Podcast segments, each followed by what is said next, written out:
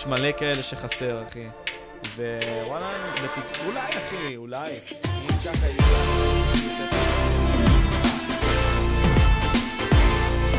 ככה גייס לנו כששלחתי גם? גייס לנו כששלחתי גם?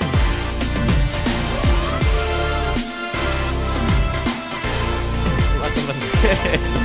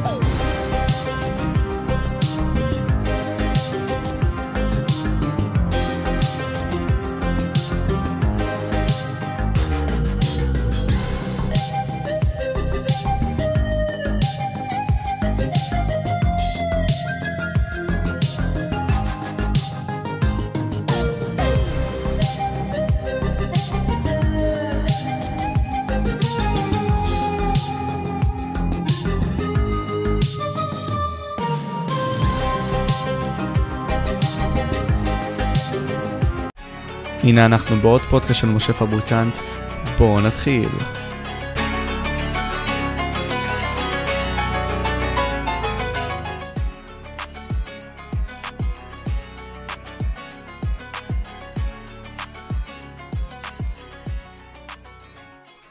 Chat, what's up, אנחנו פה, אני וה G, ה top G של הארץ, אתה מכיר את ה Top G, אחי? מכיר, מכיר, כן. אז אתה... דבר עליו. וואלה, אחי, איך אתה מאמן? כאילו, דיברנו על זה לפני השידור, אחי, בנוגע להצלחות והכל. תשמע, ראיתי שאתה, לא יודע, לפני איזה כמה ימים, אחי, משהו... הפכת להיות מבין האנשים המשפיעים, משהו לגיל שלך, משהו בסגנון הזה, נכון? משהו בסגנון הזה, לא יודע. נכון, נכון, אני חושב שיצאנו ב-40 under 40. וואו. 40, מתחת ל-40 המשפיעים בישראל, פשי, של שנת 2022. איך, איך זה, זה מעניין אותך בכלל? זה מעניין לך את הביצה? תשמע, אני, ביקשו ממני למלא את זה, אז מילאתי, תשמע, זה לא כזה... לא tipped כזה באמת משנה. לא כזה באמת משנה. קודם כל, נועה מטיאס, אחי, תודה רבה על השתי דולר, אחי, יש שידור מטורף, אין ספק, אחי. אנחנו הולכים לדבר פה על מלא שיט, כפי שאתם תראו עכשיו, אנחנו הולכים לדבר פה על מלא מלא מלא שיט. בואו נסדר את זה גם. יופי. טוב, אחי, תקשיב. יש לנו את זה? יש לנו את זה לגמרי, וכל מיני כאלה. בוא נעבור בקטנה על צ'אט. משה הטריד את אבא שלי, משה סוחר בבני אדם, משה סוחר בבני אדם ברומניה. אני לא רואה את הצ'אט, אני רוצה להיכנס לראות את זה, בוא נראה. משה, אני יודע שזה לא כל כך אה, חלק מהתוכן שלך, אבל מה הסיכוי שאתה קונה בסטים פרו סוקר רבולושן? אה, פחות העניין שלי, תומר. דניאל, משה מטריד את הדובי שלי, תגיד לו להפסיק. די, די, מי זה? מי עושה טרולים כאלה? מה זה? שנים לא הייתי אצלך בלייב, אחי, מה איתך אצלי מצוין, מר נו, מה זאת אומרת ישראל בידור? תכף ניכנס לזה, יש לנו, דניאל עמרם נכנס בקטנה לישראל בידור, אה, ודיבר על דברים מעניינים שם, אבל בוא, אתה יודע מה, דיברנו על Top G, אחי. לא, לא ראיתי שאתה עשית עליו סיקור, אחי, ביוטיוב שלך וכל מיני כאלה. עשית? לא עוקב, אה? אתה לא עוקב. לא, מה? טוב, דבר, דבר על מה עשית, אחי. אני רוצה באמת לפתוח עם Top G הזה, כי אני רואה שבארץ החוסר מידע שקיים בנושא הזה הוא טירוף, אוקיי? אנשים רואים בטאפ ג'י הזה מודל לחיקוי, המלך, מי שחושף את התעשייה, אבל אה, אנשים לא באמת יודעים מי זה הבן אדם הזה. מה אתה חושב עליו? בוא נתחיל ממך. תשמע, קודם כל, אחי, הוא לדעתי הסקמר הכי גדול של המאה ה-21. חד משמעית, אחי, אוקיי? הבן אדם שהוא בנה את עצמו מכלום, הפך את עצמו להכל. תשמע, הבן אדם היה הבן אדם הכי מחופש בגוגל במשך שנה כמעט, אחי. הוא מבין האנשים הכי מחופשים בגוגל. מה הדעה האישית שלי? אה, לדעתי, הוא לא בן אדם רע, לדעתי מוציאים אותו הרבה מאוד מפרופורציה. אני חושב שיש לו הרבה מאוד מסרים טובים, אבל הוא משחק אותה דמות בשביל לבוא ולצבור לעצמו הרבה מאוד תשומת לב, והרבה מאוד אנשים גם לוקחים קליפים מהעבר שלו. היום, אחי, מה שקרה עם כל ה trafficking הזה, בסדר? אה, אני, אני העליתי על זה גם סרטון בערוץ שלי. אני מאמין אישית שהוא הוא, הוא, הוא לא, הוא לא עשה את זה. אמנם הוא התעסק בכל מה שקשור ל-only fans, אה, לא only fans, ל-webcam ביזנס שלו וכל מיני כאלה, אבל הוא לא שכר בנשים, הנשים האלה הסכימו, אוקיי? ואני לא רואה שהוא אשם בעניין הזה, זה נקודה. מה אתה חושב?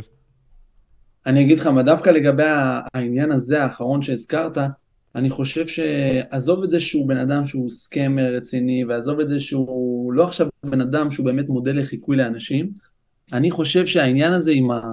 הוא לא הולך לצאת מזה בזול, בוא נגיד ככה, הוא לא הולך לצאת מזה בזול, כי הוא דיבר הרבה במהלך השנים, הוא בן אדם שהיה במיליון פודקאסטים, סבבה? והוא דיבר המון. ועכשיו הולכים להשתמש בכל הדברים האלה נגדו במשך המשפט הזה. וכן, במהלך השנים הוא עשה... אה, עכשיו, כשאנשים אנשים חושבים ש trafficking וכל זה, זה משהו שעכשיו מתייחסים, אנשים מדמיינים את זה בראש, שהוא הלך ברחוב עם רכב וסחב מישהי לתוך הרכב ו- וחייב אותה לעשות אה, סרטונים, זה לא המצב. המצב הוא שהוא עצמו גם סיפר בראיונות שהוא היה מתחיל עם בחורות, מדבר איתם, גורם להם להתאהב בו, ואז בעצם גורם להם להתחיל לעשות איתו, אה, להפך לשפחת מין בעצם, נכון, אבל בעצם שהיא חושבת שזה חלק מהזוגיות שלהם. מסכים. הוא פשוט גרם להם לחשוב שזה נורמלי מה, ש, מה שקורה ביניהם, וזה לא חוקי, אין מה לעשות, זה לא חוקי. זה לא חוקי, גם כי- אם הם כי- מסכימים, כי, כי גם אם המחשבה הם שלי... מסכימה, כמה היא מסכימה, כי, תשמע, באתר כן, שלו גם- היה רשום בסגנון הזה שגרמתי לנשים, לאיזה מלא נשים לבוא ולהתאהב בי, בשביל שאני אוכל לבוא ולנצל אותם לעסק שלי. הוא רשם את זה באתר שלו, אין את זה באתר שלו יותר, זה מחוק. עשיתי גם את המחקר שלי על זה, אה, ואני מניח שזה בגלל העובדה הזאת שיכולים לבוא ולהוכיח אותו על זה, אחי. אז אתה אומר לי, תשמע, זה כמו גואל רצון סוג שני, אם ניקח את זה כדוגמה? זה, אני לא יודע אם זה גואל רצון, אבל אני יכול להגיד לך שהוא עשה כאן איזשהו משהו בחוכמה במשך שנים, וגורם לנשים, וזה לא אחת ולא שתיים, זה עשרות, שהוא גורם להם כאילו לחשוב שהוא יוצא איתם ושהוא מתייחס אליהם כאישה הכי יפה בעולם, אבל בתוך תוכו, כאילו בבית, הוא בעצם היה עושה עליהם כסף. או עושה עליהם כסף. לא חוקי, אתה מבין? ואתה חושב שהוא יצא מהכלא? אני חושב שזה, שיש מצב שזה זה, זה העידן, נגמר עידן האנג'רו טייט, בוא נגיד ככה. למה? כי העורכי דין שעכשיו שכרו כל הנשים שהיו מעורבים בזה, הם הולכים לשבת עכשיו על הרשת ולמצוא כל קליפ שלו, יש קליפים שהוא אומר שהוא אה, זרק את הטלפון שלו לפ... לשירותים ובעצם אה, אה, שיבש ראיות וכל מיני דברים כאלו, כל הדברים שהוא אומר שם הולכים לשמש נגדו בבית משפט, וזה הולך לסבך אותו חבל על הזמן. גם תחשוב על זה שאותם נשים שאנדרו טייט בא ו... בוא נגיד ככה, הם היו הנשים שלו, היה ממש בפו... חברות שלו, בוא נגיד ככה, כי הקהו את השם שלו, אחי. בין אם זה על התחת, אחי, או בין אם זה על הצוואר. אתה יודע, זה דברים שמערכות אה, יחסים בריאות לא עושות, לדעתי. אנשים פה אומרים שהוא לא בכלא, הרבה, הרבה misinformation בנושא הזה של האם הוא בכלא או לא בכלא. טייט נמצא בכלא והוא יהיה שם עד סוף החודש. עד שיבררו את העניין הזה. אם הוא יצא אחרי חודש, כנראה שטעינו. אבל אם לא, כנראה שכל המעריצים שלו טעו. אז איך הוא שולח uh, הודעות מהטוויטר שלו? הבנתי שיש לו מישהו שמנהל לו את הטוויטר, זה מה שאני הבנתי. אז אתה אומר ש... לא, לא פשוט היה מעלה ציוצים גם בעצמו. כל הציוצים שהוא היה מעלה זה היה מישהו שהיה מטריל, כמו, איך קוראים לו, אה, כמו כל החברי כנסת שלנו. מי מנהל להם? אתה יודע שהם באמת מעלים ציוצים? כמו נתניהו, סתם דוגמה. כן, גם, אה, איך קוראים לו, אה, השני, הצד השני של נתניהו, איך קוראים לשני? איזה... מתחת ל... מה, מה מתחת ל... אה, בן גביר, בן גביר. בן גביר, בדיוק. גם בן גביר, מנהלים לו את זה כל מיני אנשים. הבנתי. ותשמע, בוא, בוא נגיד עוד דבר בנוגע לאנדרו טייט בקטע הזה. אני חושב שהוא ממש fucked up, אחי. כאילו, הבן אדם עצמו גם בקורסים שהוא בא והוצא, דיבר על זה בצורה גלויה. אני עברתי כמעט על כל הקורסים שלו, אחי, בשביל המחקר הזה, אוקיי? בשביל לבוא ולראות את הבן אדם עצמו. הבן אדם בא ודיבר על ה business שלו, ואחי, הוכיח את עצמו. אני לא מבין למה אנשים אומרים שאנחנו חיים במטריקס וכל מיני כאלה, כל מי שמדבר עליו עכשיו וכל מיני כאלה. גם עזוב את זה, הייתה מיסאינפורמציה, אנחנו דור כזה מטומטם, ואני אסביר גם למה. תחשוב על זה שאנדרו טייט, בפעם הראשונה שהוא נתפס, זה היה באפריל. אתה זוכר את זה או שמעת על זה? כן. אנשים חשבו שבפעם השנייה הוא נתפס על אותו דבר, והוציאו סרטונים מהפעם הראשונה שהוא עושה ראיונות אחרי זה שהוא חזר, ראית את זה? כן, ראיתי, ראיתי, זה יצא ממש מיד אחרי זה, וזה נהיה מה זה ויראלי, ואנשים אמרו, הנה, הנה, הוא יצא, הוא יצא. וזה ממש, המיס-אינפורמיישן היה מטורף, כאילו.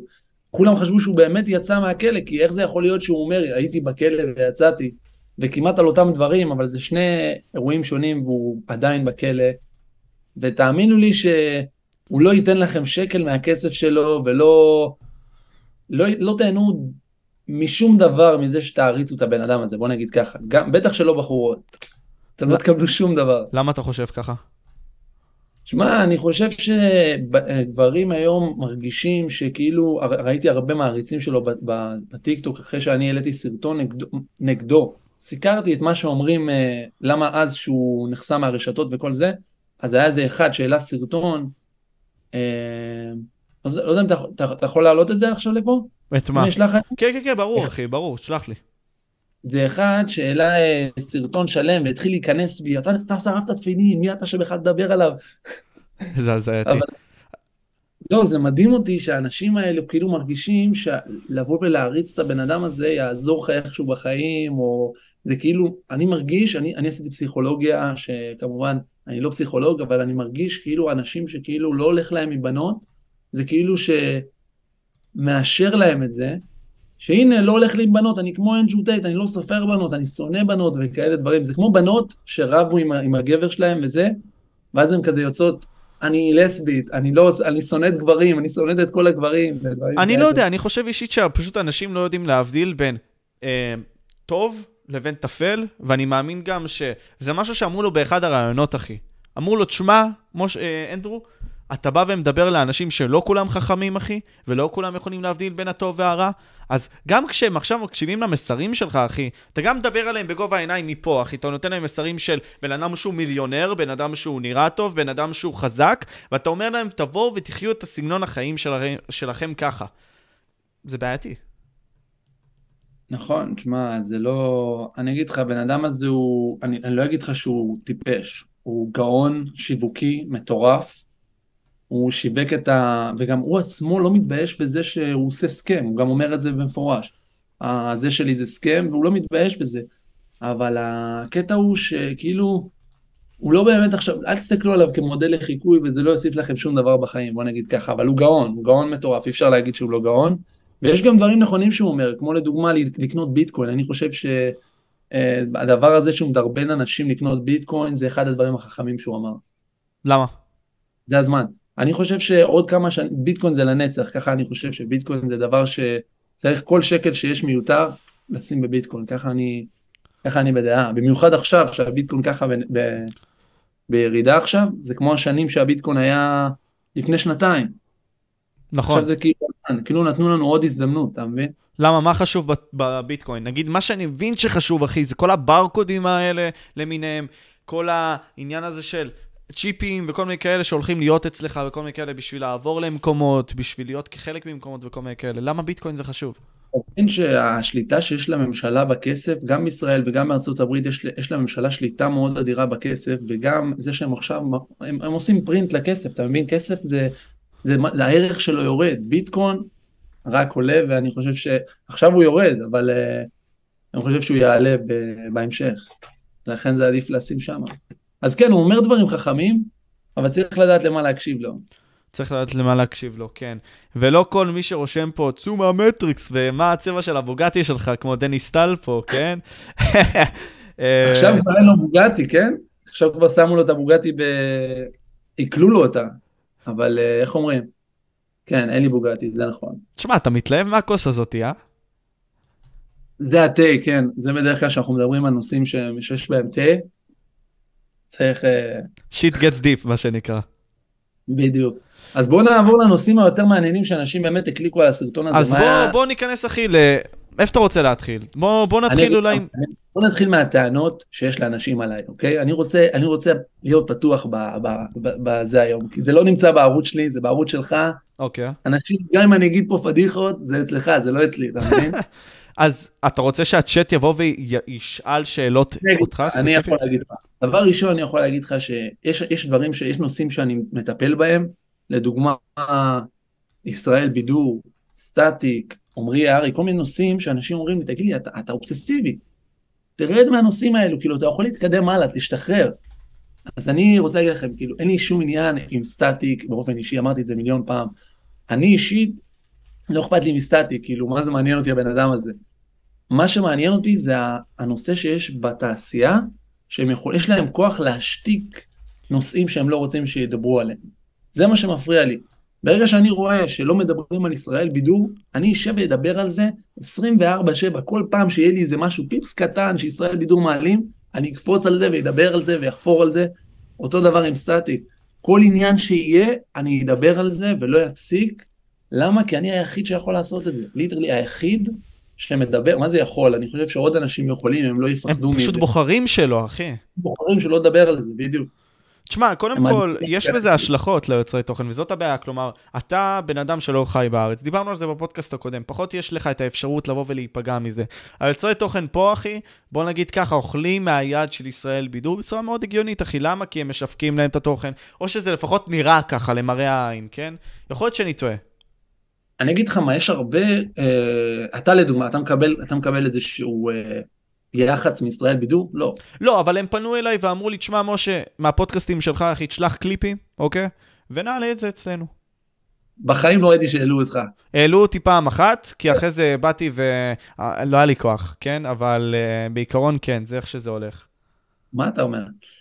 שמע, אני אגיד לך, ישראל בידור יש להם כוח מאוד מאוד חזק בתעשייה, אבל זה, זה יותר מזה, אני חושב שיש להם כוח מלמעלה, אפילו לא, לא כלפי רק היוצרי תוכן. יש להם כוח מלמעלה והם יכולים באמת להשתיק כל מיני נושאים כדי שלא ידברו עליהם, גם בערוצי תקשורת. אני אומר לך שהיה לי שיח עם איזה ערוץ תקשורת, היום אני כבר יכול להגיד את זה עם דה מרקר. דה מרקר, אה, פתחתי איתם את כל הנושא, שלחתי להם את כל הכתבות, את כל העדויות, את כל הדברים שיש נגד ישראל בידור, ודיברה איתי כתבת, אמרה לי, אני הולך לפתוח את זה. אחרי חודשיים היא נעלמה, נעלמה, מה זה נעלמה? לא עונה לטלפונים, לא כלום. לא יצרה קשר עם אחד מהעדויות ששלחתי לה, שלחתי לה איזה חמש, עשר עדויות, מספרי טלפון הכל, דברי איתו על העלנת שכר, דברי איתו, אה, איימו עליה בתביעה של חצי מיליון רק בגלל שהיא לא הספיקה לאיזה משהו, דברי איתה, דברי איתה. כמויות של עדויות לא התקשרה לאחד מהם, כאילו אני התקשרתי אליהם אחרי זה, אמרתי להם, דיברו איתכם, מישהו התקשר אליכם מדה מרקר וזה, כלום. למה? אני חושב שהיא עשתה איזושהי בדיקה קטנה, מישהו שלח לה זה, אל תדברי על זה, תמשיכי הלאה. זה כאילו כוח שיש להם בתעשייה, זה מדהים. דיברו פה על המטריקס, אני חושב שישראל בידור זה המטריקס. זה האילומינטי. זה האילומינטי, ו... אבל הקטע הוא ש... אני, אני, אני לא יודע, אין לי משהו רע נגד ישראל בידור, פשוט אני רואה את זה כמשקיף מהצד. פשוט הגיימרים הכניסו את עצמם, לפחות בישראל בידור, אתה יודע מה לא, ישראל בידור בכללי נעשתה מין סוג של מונופול מסוים שהרים את עצמו, וכולם כזה באים וזורמים עם זה. Um, אני לא יודע אם זה טוב או אם זה רע, אבל כמו שאתה הראת לי, אחי, בסרטונים שלך, שזה מעניין, קודם כל, אם אתם לא נכנסתם לערוץ של דני אברהם, תיכנסו, עם הכתבת הזאת, אחי, ש... תבעו אותה ב-400 אלף? מה, מה היה שם? אחי, תספר לי על זה, זה היה הזוי כשראיתי את זה. כן, אז זה היה כתבת בשם יובל אוגסי, היא עבדה שם במשך uh, מספר חודשים. Uh, כולם אהבו אותה בתגובות, מתו עליה, הכתב, הכתבת היחידה שבאמת הלך לה שמה, וכאילו ברמה שאנשים באמת אהבו אותה ודיברו עליה בתגובות. Uh, ובאיזשהו יום אחד, יום בהיר אחד, פשוט פיטרו אותה, בלי שום הסבר, בלי כלום, לפי מה שהיא אמרה. אה, פיטרו אותה בלי לתת שום הסברים, ואז אחרי כמה חודשים היא העלתה סרטון לטיקטוק, אמרה לאנשים, אל תחשבו שכל הנוצאת זהב, אה, זה לא כזה פשוט, כמו שזה נראה, עבדתי בישראל בידור, ופיטרו אותי בלי לתת לי שום הסבר ובלי התראה. כעבור חודשיים שלוש, היא התחילה עבודה חדשה, עברה לאיזה חברה אחרת, נהייתה שם מראיינת, פתאום מקבלת שתי אה, מכתבי תביעה, אחד מכתב תביעה להפרת סודיות, בסך 151 אה, אלף שקל, השני מכתב תביעה בסך 400 אלף שקלים, על איזשהו קניין רוחני או איזה משהו כזה שהיא העלתה סרטונים. בקיצור, הם רוצים פשוט להוריד אותה, לחסל אותה. אה, סתם ככה, אתה אבל איזה, איזה דברים, נגיד, סתם אתה רואה, נגיד, מישראל בידור בדברים אחרים? כי תשמע, כמו שאני אומר לך, אחי, אני משקיף מהצד, אני פחות עושה את המחקר הזה שאתה עושה. מה, מה אתה רואה שהוא לא בסדר? כי אני זוכר נגיד סתם שהיה את הפורום הזה של ה... אה, לא יודע, זה היה... הטקס אה, משהו השנה, משהו בסגנון הזה, לא חשבתי שזה היה עד כדי כך נורא, כן? אני זוכר שהעלית על איזה סרטון, אני דווקא לא, לא הסכמתי איתך, אמרתי כזה, זה די הגיוני, סבבה, כן, הם אוספים מידע, אבל כמו הרבה מאוד אחר, דברים אחרים, אחי, הם אוספים מידע. איזה דברים לדעתך אתה רואה שהם לא בסדר, שהם עושים יוצרי תוכן, ואם יש לך משהו לא בסדר? אני אגיד לך מה, יש, יש, יש, להם, יש להם את מה שקורה מהפנים ולחוץ, מה שהם מעלים לסטורי והכל, אבל יש מה שקורה מאחורי הקלעים. כשאתה יודע מה קורה מאחורי הקלעים, שישראל בידור אה, בעצם, כפי שאנחנו הבאנו עדויות בעבר, מנצלים אה, כוכבי רשת וטאלנטים שנמצאים אצלם, שיקנו פרסומות אצלם בכוח, אם הם לא קונים פרסומת, לא קונים שטחי פרסום, הם בעצם מוציאים עליהם כאילו דברים מהמגירה ודברים כאלו, ככה הגיעו עדויות מעובדים בישראל בידור. הם אומרים, יש להם רשימות על אנשים, כתובות, דברים שאפשר להשתמש בהם נגדם. תחשוב שאתה, בתור יוצר תוכן, יהיה לך תיקיות על כל בן אדם, על דברים רעים עליו, סבבה? יהיה לך תיקייה על דניאל עמרם, שאתה יכול לשמור שם את כל הדברים הרעים עליו. עכשיו, לא, בוא נגיד שזה לא דבר רע אולי לשמור דברים והכל, אבל לשמור על מנת כדי לבוא ולאיים בזה על, על כוכבי רשת, כאילו להגיד להם, שמע, אתה לא קונה? סבבה, הם לא אומרים להם את זה מפורש, אבל אחרי שבוע פתאום הבן אדם רואה סרטון רע עליו. סרטון מלפני איזה חודשיים שלוש, ורק הוא היחיד יודע למה הסרטון הזה פתאום עלה אצלם. אז רגע, פה דניס טל בא ואומר לי, לא שמעתי על הקטע הזה, ואני מכיר כמה עובדים וטאלנטים שעבדו שם, והוא אומר בנוסף, אנשים שהתפטרו לא מזמן מישראל בידור, אמרו לי שזה בולשיט. סבבה, יש אנשים שלא מכירים את זה, אני לא אגיד לך עכשיו שכל ה, כל העובדים בישראל, בדיוק ברגע שהם נכנסים, הם נחשפים לדבר הזה. אני אומר לך שיש אנשים שמוכרחים לדעת את זה, כגון הבן אדם שדיבר איתי, שהוא היה בין האנשים שמשיגים להם את המידע על הטאלנטים. איך זה היה? הבן אדם הזה, היה לו חברת נעליים, סבבה? אתה יכול להגיד את זה? כן, מותר לי להגיד את זה כי אני לא אומר את השם שלו. הוא היה לו חברה, היה לו חברת נעליים, והוא בעצם היה עובד שם, ובעצם היה עובד עם מלא שת"פים. ישראל בידור פונים אליו, ראו שהוא עושה שת"פים זה מפורסם, אמרו לו, תקשיב, אנחנו רוצים לקנות ממך מידע על אותו מפורסם. תן לנו את המידע הזה, אנחנו רוצים את המספר נעליים שלו, את המשפחה, את הזה, הכל אנחנו רוצים לדעת על הבן אדם הזה, אתה מקבל כך וכך. עכשיו, הבן אדם הזה כבר נהיה משווק מידע שלהם, סבבה? שולח להם מידע במשך אה, חודשים, עד שבשלב מסוים הוא נחשף לזה שהם שומרים דברים רעים על מפורסמים, ממה שהוא נותן להם, הוא שומ- הם שומרים את הדברים הרעים עליהם בתיקייה מסוימת, ואז אחרי זה בעצם מאיימים עם זה על אותם טאלנטים. אז הוא בעצם קיבל את המידע הזה, לא, לא הרבה אמורים לדעת את הדבר הזה, זה לא שאתה עכשיו חותם בישראל בידור, בום, אתה מקבל את כל המידע, זה לא עובד ככה, אבל uh, אני מאמין שהאנשים שבצמרת שם יודעים על זה. יש לך עוד דברים שאתה? רוצה להוסיף עליהם? כי תשמע, אמ, אני פשוט חושב לעצמי, האם הם מאיימים כאילו עד כדי כך? האם הם בעייתיים עד לא, כדי הם כך? לא עכשיו יושבים, אה, עומדים עם האקדח על הבן אדם, אומרים לו במפורש, אם אתה לא קונה פרסומת, אנחנו עכשיו מוציאים עליך דברים. לא, הם אומרים, אתה רוצה לקנות פרסום, שטח פרסום עולה כך וכך, שלוש סטורי עולים 15,000 שקל, ואם קונה, קונה, לא קונה, אוקיי, סבבה. תוך שבוע, שבועיים, חודש, חודשיים, פתאום הוא רואה פרסום שלילי. עכשיו, הם לא, הם לא מודיעים לך, הם לא אומרים לך, הם, הם שומרים את זה בצד, ועושים את זה בחוכמה, והדברים האלו קורים, אתה מבין? והטאלנטים גם לא יכולים לעשות כלום, ברגע שהם יפתחו את הפה, אין להם הוכחות, אין להם אה, איזשהו, הכל קורה פרונטלית, פנים מול פנים, והכל גם בצורה מאוד מאוד, אה, הכל גם הרי נחתם, יש להם אה, גם הסכמי סודיות עם כל בן אדם שהם עובדים איתו, חותם איתם הסכמי סודיות, ואם איזושהי מילה אחת קטנה, הלך עליהם. עכשיו, השבוע דיברתי עם אמא שלו, ראית שדיברתי עם אמא שלו? ראיתי את זה, ראיתי את זה. התקשרתי לאמא שלו. גבר אתה, תשמע, זה מבחוש ההוא, תכה. האמת שלהם מדהימה, אני כבר שנים עוקב, אני, מאז שהתחלתי עם ישראל בידור, אני גם עושה הרי מחקר על אנשים. אז חקרתי מי זה אימא שלהם, איך ישראל בידור התחילה הכל. ישראל בידור התחיל דרך האימא, האימא היא אישה מדהימה שעושה הרבה, הרבה דברים, אה, זה, היא פותחת, יש לה עמותות, יש לה זה. עכשיו אמרתי, איך זה הגיוני שהאימא ככה וישראל בידור זה ככה, במיוחד שהיא הרי הקימה את ישראל בידור. עד שהגעתי למסקנה שאין לה מושג על מה שקורה שם, היא פשוט לא יודעת מה קורה שם, וכשהתקשרתי אליה הבנתי עד כמה שהיא מנותקת.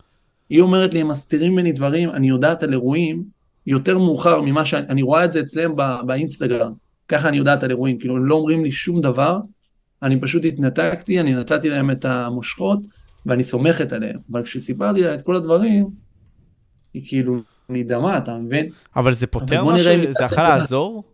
לא נראה לי שזה פותר משהו, אבל זה כן אה, לפחות, אה, איך אומרים, פתח לאמא את העיניים טיפה, ובוא נראה, היא אמרה לי עוד כמה ימים, היא תחזור אליי, בוא נראה אם היא תחזור. בוא נראה, מעניין, כי היא אמרה שיעבור שבוע משהו, נכון? משהו בסגנון הזה? נכון, נכון, בינתיים עבר אה, שלושה ימים, יומיים, אז אה, אנחנו נחכה ליום רביעי הזה. אנחנו נחכה ליום רביעי הזה, ועוד דבר שאנשים רשמו לי בצ'אט, האם זה נכון? אני לא יודע, הם גם לא משלמו ליוצרי תוכן שלהם כשהם הופיעו בסדרות שלהם, לא?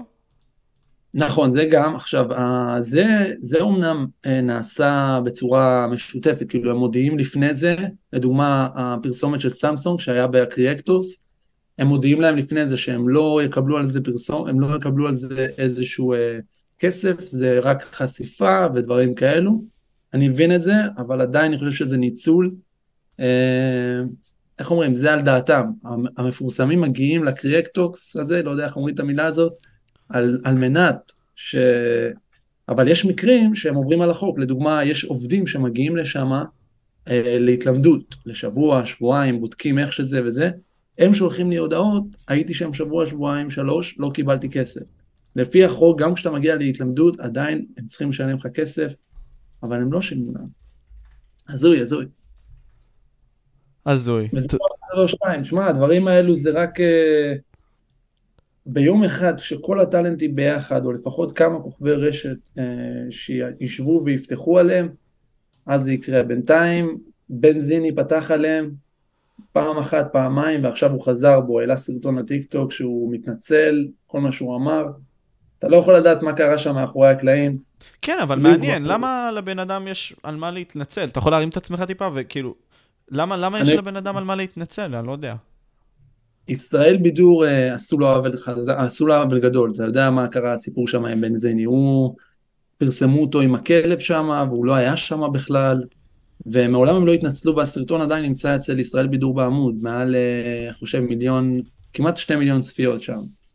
והוא במקום לבוא ולחשוף אותם, הוא שמר את זה בלב ואז כעבור כמה חודשים הוא העלה שיר שבו הוא כאילו נתן להם איזשהו קטע בזה שניסו להרוס לו את הקריירה ושם את ישראל בידור בקליפ שלו.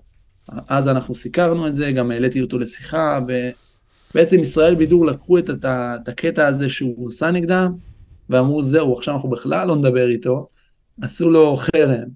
כעבור כמה חודשים, כעבור איזה חודש, חודשיים, הוא העלה עוד סרטון נגדם, אחרי שהם לא רצו לסקר משהו חשוב שהוא עשה עם ילדים בפריפריה וכל זה, אבל אז הוא הבין שהוא לא יכול להילחם נגדם, אז לפני איזה שבועיים שלוש הוא העלה סרטון לטיקטוק שלו, הוא מתנצל, הוא מבקש סליחה מישראל בידור וכל זה. שמע, זה מסוכן, יכול להיות שהוא ראה שאין לו סיכוי איתם. הוא יצא למלחמה, אבל אז ראה שהוא לבד שם, הוא נמצא רק הוא ודניאל עמרם, אתה מבין? הוא לא רוצה להיות לבד במלחמה, כי בתכלס הוא היחיד שנמצא ב, ב, בקהילה בעצם, שנלחם בישראל בידור. אבל זה, זה עצוב, תשמע, אני בטוח שיש מלא אנשים, גם מלא אנשים שהולכים לי אפקטיבי בזה. אנחנו רואים מה אתה עושה בישראל מידור, אנחנו הלוואי שהיינו יכולים לדבר, אבל uh, כאילו אתה הפה של אנשים שבאמת לעולם לא יוכלו להגיד את הזה שלהם, את הצד שלהם בסיפור, אתה מבין? כן, ותוך כדי שאתה אומר את זה, אנשים מתרכזים ברקע שלך, רואים את התמונה של דגל הגאווה שוב. אתה זוכר שהם דיברו על זה? עוד פעם, לא, הם תמיד אומרים את זה בלייבים, אני לא יודע למה זה, זה מדליק את האנשים העיניים, אני, הבלאגן שהיה עם זה סך הכל, אה, זה דגל הגאווה שאני אני חושב שכולם צריכים אה, לאהוב את כולם וצריך להיות שוויון, וגם כשאנחנו מדברים על ישראל, אז אתה יודע, קנתה לי את זה השותפה לדירה אחרי שהתווכחנו על הגאווה וישראל ופה ושם, Mm. אז זה היה מתנה ממנה, שמתי את זה פה. אז בכללי נראה לי, אולי נחזור אה, מאוחר יותר אולי לישראל וידור, לא יודע אם נמשיך לדבר על זה, אבל בנזיני, מה קרה עם אבא שלו? לא, תקשיב, חטפתי על זה איזשהו, לא יודע, פלאפה מסוימת, כי שמעתי דברים על אבא שלו, על זה שהוא משהו בסמים מתעסק וכל מיני כאלה, אז בנזיני עשה משהו בנוגע לזה ש... ופה תתקן אותי, כי אני ממש לא יודע, אחי, אבל ראיתי את זה בכותרות, משהו, שם את אבא שלו מצד, סוג של בסגנון הזה, כאילו, בא ודיבר על אבא שלו, כל מיני כאלה, הוכיח אותו. תספר לי מה היה שם, אחי, כי אני לא יודע. אני אגיד לך מה, בדיוק ראיתי גם את הכתבה של בנזיני, אני חושב שעשו לו עוול, שבעצם שמו אותו בכותרות בתור אה, אבא של בנזיני, רואים את בנזיני עצמו, אבא של בנזיני, אה, למה לא שמו את התמונה של אבא של בנזיני לפחות? שמו את התמונה שלו, אבא של בנזיני נעצר בחשד לקוקאין, ל, ל, להברחת קוקאין ממצרים אני חושב. אוקיי. עכשיו זה אחת ההברחות המסוכנות המפותחות שהיו בו בשנים האחרונות. זה היה משהו מאוד מאוד רציני ששווה את הסיקור, אבל הם כאילו הפכו את זה לסיפור על בנזיני במקום על הסיפור עצמו. וכן, אני ראיתי את הכתבה עליו וזה זה, זה, זה, זה, זה לא יפה מה שעשו לו, אני זוכר שעשיתי על זה סרטון, אה, איך קוראים לו, אה, היה איזה כתב שעשה את זה בישראל היום, איך קוראים לכתב של ישראל, של ישראל היום? אה, ערן סוויסה. אוקיי. ערן סוויסה, אחד הכתבים של הבידור שם, של ישראל בידור, הוא העלה כל מיני teasing, אבא של, לפני שבכלל חשפו את השם, אנחנו כבר חשפנו את השם בטלגרם, אבל ערן סוויסה העלה איזה אבא של מפורסם, נעצר ופה ושם. אמרתי, אתה לא זוכר שאצלך אבא שלך גם אה, נעצר? לא נעצר, חשפו אותו בתוכנית של המתחזים לפני איזה שבע חודש. אבא של אותו עיתונאי, ערן סוויסה, חשפו אותו שהוא גנב איזה, כמה זה היה? שבע אלף על איזה תיקון קטן, ממש בתוכנית של חיים אתגר. עכשיו, הוא בזמנו ניסה לעצור את התוכנית, דיבר עם חיים אתגר, ניסה לזה, וגם אחרי שזה עלה, הוא העלה שם, זה לא אני, זה אבא שלי, וממש היה לו בושות, אתה מבין? זה לא נעים שמדברים אל בן אדם על משהו שאבא שלו עשה, הוא לא, הוא לא בחר באבא שלו, אתה מבין? ועכשיו הוא עושה את זה לבנזיני, הוא עושה כל מיני טיזים על סמך זה שאבא של בנזיני אה, נעצר, אתה מבין? לא נחמד, לא נחמד בכלל. וזה זה יפה שכאילו גלגל מסתובב לו, אני עשיתי ככה סרטון, הסברתי לה כמה שאתה לא היה נעים לך בתור עיתונאי שדיברו עליך רע בגלל האבא שלך, אז למה אתה עושה את זה למישהו אחר? אבל זה מדבר על, כאילו, לא, אני מדבר בכללי, כן, מדבר על צביעות של בני האדם, אנחנו בני אדם צבועים לרוב, אחי, ומתנהגים ממניע צבוע, אז אם זה מכניס לנו כסף, אחי, לכיס, אני מדבר בכללי על אירועים, לא ספציפית על זה. אם זה מכניס לנו כסף לכיס, אחי, הרגשה טובה וכל מיני כאלה, אנחנו נעשה מלא דברים, אחי, שיהיו דו פרצופיים. אני אגיד לך מה, יש, תלוי איזה דרגה, תלוי באיזה דרגה אתה מדבר על צבוע. יש, יש לדוגמה שאני עכשיו מדבר איתך, כשאני אדבר עם חבר שלי אני אשב ככה ואגיד, אה, אוקיי, וזה. ועכשיו אני כאילו סוג של צבוע, אני מדבר איתך בצורה מאוד מסודרת וזה. זה, יש, דוג... יש רמות של צביעות, אתה מבין? אבל כשאתה בא לבן אדם ומשחק אותה כאילו, וואו, אבא שלו עשה ככה, אבא שלך גם עשה ככה. אתה לפני כמה חודשים בעצמך אמרת שלא צריך לדבר על אבות, ולא צריך לעשות מזה רייטינג, אז למה אתה עושה את זה למישהו אחר? זה כאילו כשאתה בא לבן אדם, תלוי כמה צביעות, אתה מבין? יש רמות של צביעות שאתה לא יכול להתעלם מהן, אתה מבין? אבל כן, יש צביעות, זה אנשים, כולם נמצאים באיזה סוג של דמות כשהם מדברים uh, בטלוויזיה או מדברים ב, ב, באינטרנט, זה בסדר להיות uh, סוג של צביעות, אבל לא פר אקסלנס, אתה מבין? כן, אחי, כן, לגמרי. ותשמע, וואלה, מדברים על צביעות, מדברים על נוכל הטינדר, לא לכאורה כמובן, כן. נוכל הטינדר, שמע, זה סיפור, זה סיפור שלם מה שקרה שם עם, ה, עם הבת זוג החדשה שלו, כי פה אני יכול לדבר יותר חופשי, אני אגיד לך מה, ביוטיוב שלי יש הרבה אנשים שעוקבים, פה אני יכול להגיד לך שהבת זוג שלו הזאת עשתה, שמע, היא עשתה נוכלות ברמה אחרת, היא בעצם הייתה לצידו של נוכל הטינדר במשך חודשים, לא משנה הנטפליקס שיצא, לא משנה כל ה... היא עשתה כאילו פה בקטע של כאילו, אני אלך ואלך ויהנה מה, מהבלגן הזה שעשו על נוכל הטינדר, כנגדו, ועמדה לצידו ובעצם אמרה כל הבנות שקרניות, כל הנטפליקס שקר. ואז כשהסתיים כל הבלגן שהיה עם נטפליקס, היא בעצם הלכה לצד השני ואמרה שהנטפליקס היה נכון ומה שהוא עשה, עשה את זה גם לה. אתה מבין, שמע, לא יודע, זה לא עובר לי בגלרון, אני אומר לך את זה בדוגרי, היא כן עזרה וכן יכול להיות גרמה פה לזה שאולי סיימון ילך לכלא מתישהו, אולי נקדם את הכתב אישום נגדו איכשהו, אבל היא, לא יודע, אני, אני עכשיו מסתכל לה בסטוריז לפעמים, והיא כאילו מנסה לחזור להיות אה, לגמרי influencer עכשיו. זה לא, זה לא מרגיש נכון, תשמע, היא ישבה שם בטלוויזיה, ולא הטלוויזיה שלנו, היא ישבה בטלוויזיה האמריקאית, הבינלאומית, לא זוכר באיזה תוכנית זה היה, ואמרה לכולם, הן שקרניות, הם המציאו, כל הנטפליקס זה שקר, אתה מבין איזה, איזה טירוף זה? ועכשיו היא באה אלינו בחיים אתגר, כן, גם זה קרה לי, לא קונה את זה. לא, לא קונה את זה. ומה לדעתך הולך להיות בעתיד של נוכל הטינדר? האם, האם זה נגמר פה? אני אגיד לך מה, יהיה מאוד מאוד קשה אה, לבוא ול... איך אומרים? לה, להאשים אותו במשהו פיזי. כן אני שומע שעכשיו היא הגישה תלונה נגדו, כן אני שומע שגם, אה, איך קוראים להם, אה, לוייב, משפחת לוייב אה, פועלים נגדו באופן חוקי. אם הם באמת ישבו ועם הרבה עורכי דין רציניים, ויערימו פה תיקים, יוכלו אולי להכניס אותו לכלא ככה לאיזה תשע חודש, משהו כזה. וואלה, ותשמע, אני רוצה לתת לצ'אט גם עכשיו לשאול שאלות במידה ויש לכם, ניתן לכם איזה כמה דקות. מה שאתם רוצים פה זה היוטיוב שלך, אני לא, אין שאלה אחת שלא נעלה עליה, מה שאתם רוצים, תפילין, כותל, מה שבא לך. דניס טל בא ושאל למה אבא שלי עזב, טוב, בסדר. זה אבא, אה, אבא שלו. כן, אבא שלו. Uh, תשאל, רגע, וואו, וואו, הרבה שאלות. בדיוק השבוע היה סיפור על איזה אחת שקרא לאבא שלה מת באינסטגרם. אה, ראיתי את זה, אחי, אכלתי איזה סיבוב אחוש שרמוטה, מה היה שם? מה אתה חושב על זה? תשמע, היא העלתה סרטון, היא העלתה סטורי באינסטגרם שלה. אגב, אחרי זה היא גם יצאה נגדי באינסטגרם, קרא לי אה, משועמם או משהו כזה. מי כעס? מי כעס? היא כותבת לי. כאילו, אבל... לא יודע, לפי ההרגשה שלי, אני, יכול להיות שאני פה טועה, כן? אבל היא כביכול, בשביל שאנשים ירגישו אמפתיה כלפיה, היא באה ולקחה עובדות ורשמה אותן כפי שהן, בשביל שאנשים ירשמו לה בפרטי וכל מיני כאלה, שאנשים ירגישו רע בשבילה. ופתאום אתה בא לה כזה עם עובדות אחרות, אחי, בוף, חושף את האמת. ווואלה.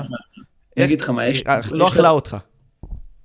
מה, אני אגיד לך מה, יש, יש דברים שאנחנו לא יכולים לדעת מה הסיפור שם. היא, היא מספרת שאבא שלה עזב אותה בגיל מאוד מאוד צעיר, והיא בעצם התחילה לספר שהוא מת, אתה מבין? היא אומרת לכולם, אבא שלי מת. ואז היא כותבת סטורי אחרי זה, שהיא כאילו מגדירה אותו מת, אבל הוא באמת עוקב אחריה באינסטגרם, והיא פשוט לא רוצה, היא לא רוצה קשר איתו. עכשיו, אנחנו לא יודעים מה הסיפור הזה, ואני הכי מבין בעולם שיש אבות שהם גרועים, ויש אבות גם שאני לא יודע, אונסים את הילדים שלהם, אני לא יודע מה הסיפור שהיה. fucking נורא, אחי. אבל אני אומר, אתה, אתה לא יכול לדעת מה הוא עשה לה שם, יכול להיות כל הסיבות בעולם שמצדיקות את זה, אבל כאילו זה, זה כאילו הדליק את האנשים, אתה בא ואומר שאבא שלך מת, והיא אמרה את זה גם בעבר, לפני זה, הרבה פעמים, אבא שלי מת, אבא שלי מת, והיא לא הסבירה את זה, פתאום עכשיו היא אומרת, אבא שלי לא מת, אני רק קוראת לו מת, בגלל שאני לא מתייחסת אליו, אתה מבין? זה מוזר. זה מוזר. נכון, למה היא לא חוסמת אותו, אתה מבין? היא נותנת לו לעקוב אחריה ולראות גם את הסטורי הזה שהיא קוראת לו מת, אתה מבין? זה בכלל, אה, זה אולי מדבר על סריטה אצלה, אני לא יודע, אחי, זה נשמע לי מוזר. אי אפשר לדעת, אי אפשר לדעת מה הסיפור שם, וכמובן אי אפשר לשפוט אותה, כמובן, אמת. אנחנו לא יכולים לשפוט. אמת. דס TV שואל, מה אתה חושב על הדעות של קניה ווסט, ותענה בתור בן אדם מהצד שהוא לא יהודי. אני אגיד לך מה, אתה רוצה לענות אתה קודם כל, אני אגיד לך, קניה ווסט הוא בן אדם אה, אמיתי מאוד, מאוד מאוד אמיתי, אבל הוא פשוט הלך ברמה מאוד קיצונית, סבבה? אני כן יודע שיש יהודים שעושים בלאגן בעולם, ויש אה, יהודים ששולטים בתעשייה, ויש זה, אבל הוא לקח, בגלל איזה כמה יהודים שעושים לו בלאגן בתעשייה, והפך ל- להצדיק את היטלר, להגיד שהשואה הייתה נכונה, אתה מבין? זה כבר הלך ברמות של כאילו, כל השואה הרי קרתה בגלל הדברים האלו. Okay. כל אוקיי. הסיפורים שהיו הנאצים והמציאו דברים על היהודים, זה היה בגלל איזה שתיים שלוש אנשים שהיו נכונים עליהם היהודים, ובעצם הפכו את זה על כל היהודים, ובעצם רצחו שש מיליון. אז אני, לדעתי, אתן לעצמי קרדיט, אני בין החוקרים הכי גדולים לדעתי של העניין הזה, כי חקרתי כל ראיון שהיה לקניה ווסט ברשת, סביב העניין הזה, ואני אתן את הדעה שלי. קודם כל, קניה ווסט, בעניין הזה, נשבע לו הזין כבר מכל האנשים ששלטו עליו, הוא מדבר על השליטים הגדולים, האנשים שהוא כל הזמן ניסה לחשוף. כבר מאז שהוא מ-2008 מפורסם, הוא בא וניסה להעביר את המסרים שלו, כמו בריאיון שלו שהוא אמר שנשיא ארצות הברית לאותה תקופה, ג'ורג' בוש, לא אכפת לו מאנשים כהי עור. או כמו הרבה מאוד מהפעמים שהוא יצא, אחי, ב, ב, נראה לי זה היה באחד ההופעות, לא, אחד מהפרסים שם שחילקו לאנשים, והיה בכלל מגיע את זה לטייל, לטיילור סוויפט, ואז הוא אמר, לביונסה זה יותר מגיע, משהו בסגנון הזה, והוא עלה לבמה, אחי, ואמר את זה. קניה ווסט... ממזמן הוא בן אדם שאומר את האמת שלו, גם בשירים אתה תקשיב. אבל עזוב את זה. מה שאני מנסה פה להגיד זה את הדבר הבא, אחי. קניה ווסט הוא פשוט בן אדם שלא מצליח להסביר את עצמו בצורה נכונה. הוא מנסה להגיד, תקשיבו, יש פה תקשורת שמסלילה לכם את התודעה, שאומרת לכם איך לחשוב ומה לחשוב בשביל לבוא ולעשות את הדברים שהם רוצים שאתה תעשה, שאתה תהיה בחור של עצמך, שאתה לא תצליח, שאתה תאכל את החרא שלך, והוא אומר, תשמעו, נגיד כל מה שקשור לתקשורת היהודית הזאת, היהודים פשוט שולטים על העולם לרוב. ככה הוא אומר את זה. הוא אומר גם, באותו מטבע, אחי, הוא אומר שנגיד סתם, מה שאמרת לגבי הנאצים, אחי, זה כל מה כן. שקשור לדוגמה של סילוף האמת, סילוף העולם, סילוף של איך מסתכלים על דברים. מה זאת אומרת? נגיד בשיעורים של ההיסטוריה, אחי, אוקיי? לא מלמדים אותך על, אה, לא יודע מה, זקני ציון. לא שאני אומר שזה ספר טוב או משהו, כן? אבל זקני ציון זה הספר שהוציאו כנגד היהודים, וזקני ציון משומש היום כספר אנטישמי לכל דבר ועניין שהרבה מאוד אנשים קוראים אותו. אוקיי? זה ספר מלפני 100 שנה שברית המועצות הוציאה. אבל לא מלמדים אותך את זה בבית ספר. והוא אומר, תשמעו, היטלר גם היה טוב. הנאצים גם היה טובים. בכל אחד מאיתנו יש נאצי. בכל אחד מאיתנו יש בן אדם רע. בוא נלמד על זה. אבל לא, אנשים באים וכמו טומטומים כזה, כמו... ותשמע, אני לא יכול לשפוט, יש הרבה מאוד אנשים שהם טומטומים ולא יכולים לחשוב עצמאי. לא שאומר שגם הקהל שלי הוא כזה. אבל בוא נרכז את זה שנייה ונסיים, כי אני רוצה לשמוע מה יש לך גם להגיד בנוגע לזה. בקיצור, קניה ווסט מנסה לבוא ולהגיד, תפעילו את המוח שלכם. האומנם הם מוציאים אותי כמו משוגע, אתם רואים את זה. הם מנסים להוציא אותי כמו מטומטם, אני עוזר להם להוציא אותי כמו משוגע, אני שם על עצמי מסכה. אני גורם על זה שידברו עליי, אבל אתם תקשיבו, כי הם יבטלו אותי. הם עושים לי את זה כבר עכשיו. אני אגיד לך מה, אני אגיד לך מה, אתה, אתה הולך למקום מאוד מאוד אה, נכון, אבל מסוכן. אני אגיד לך למה. כי אנחנו בתור, אה, אנחנו אמנם אה, קטנים, אבל בתור אנשים שאיך אומרים, יוצרי תוכן, דבר ראשון שאנחנו צריכים לעשות זה לגנות את מה שהוא אמר. כי תבין שוב, ככה התחילה השואה. בגלל שאנשים, בגלל איזה כמה אנשים יהודים, הם התחילו להוציא שכל היהודים ככה. רק תתקרב למצלמה אחי. זה לגנות את מה שקניה ווסט אמר. הוא אמר שהיטלר היה צודק, הוא אמר שהיטלר, אה, הוא אוהב את היטלר, והוא אומר שמה הבעיה בנאצים.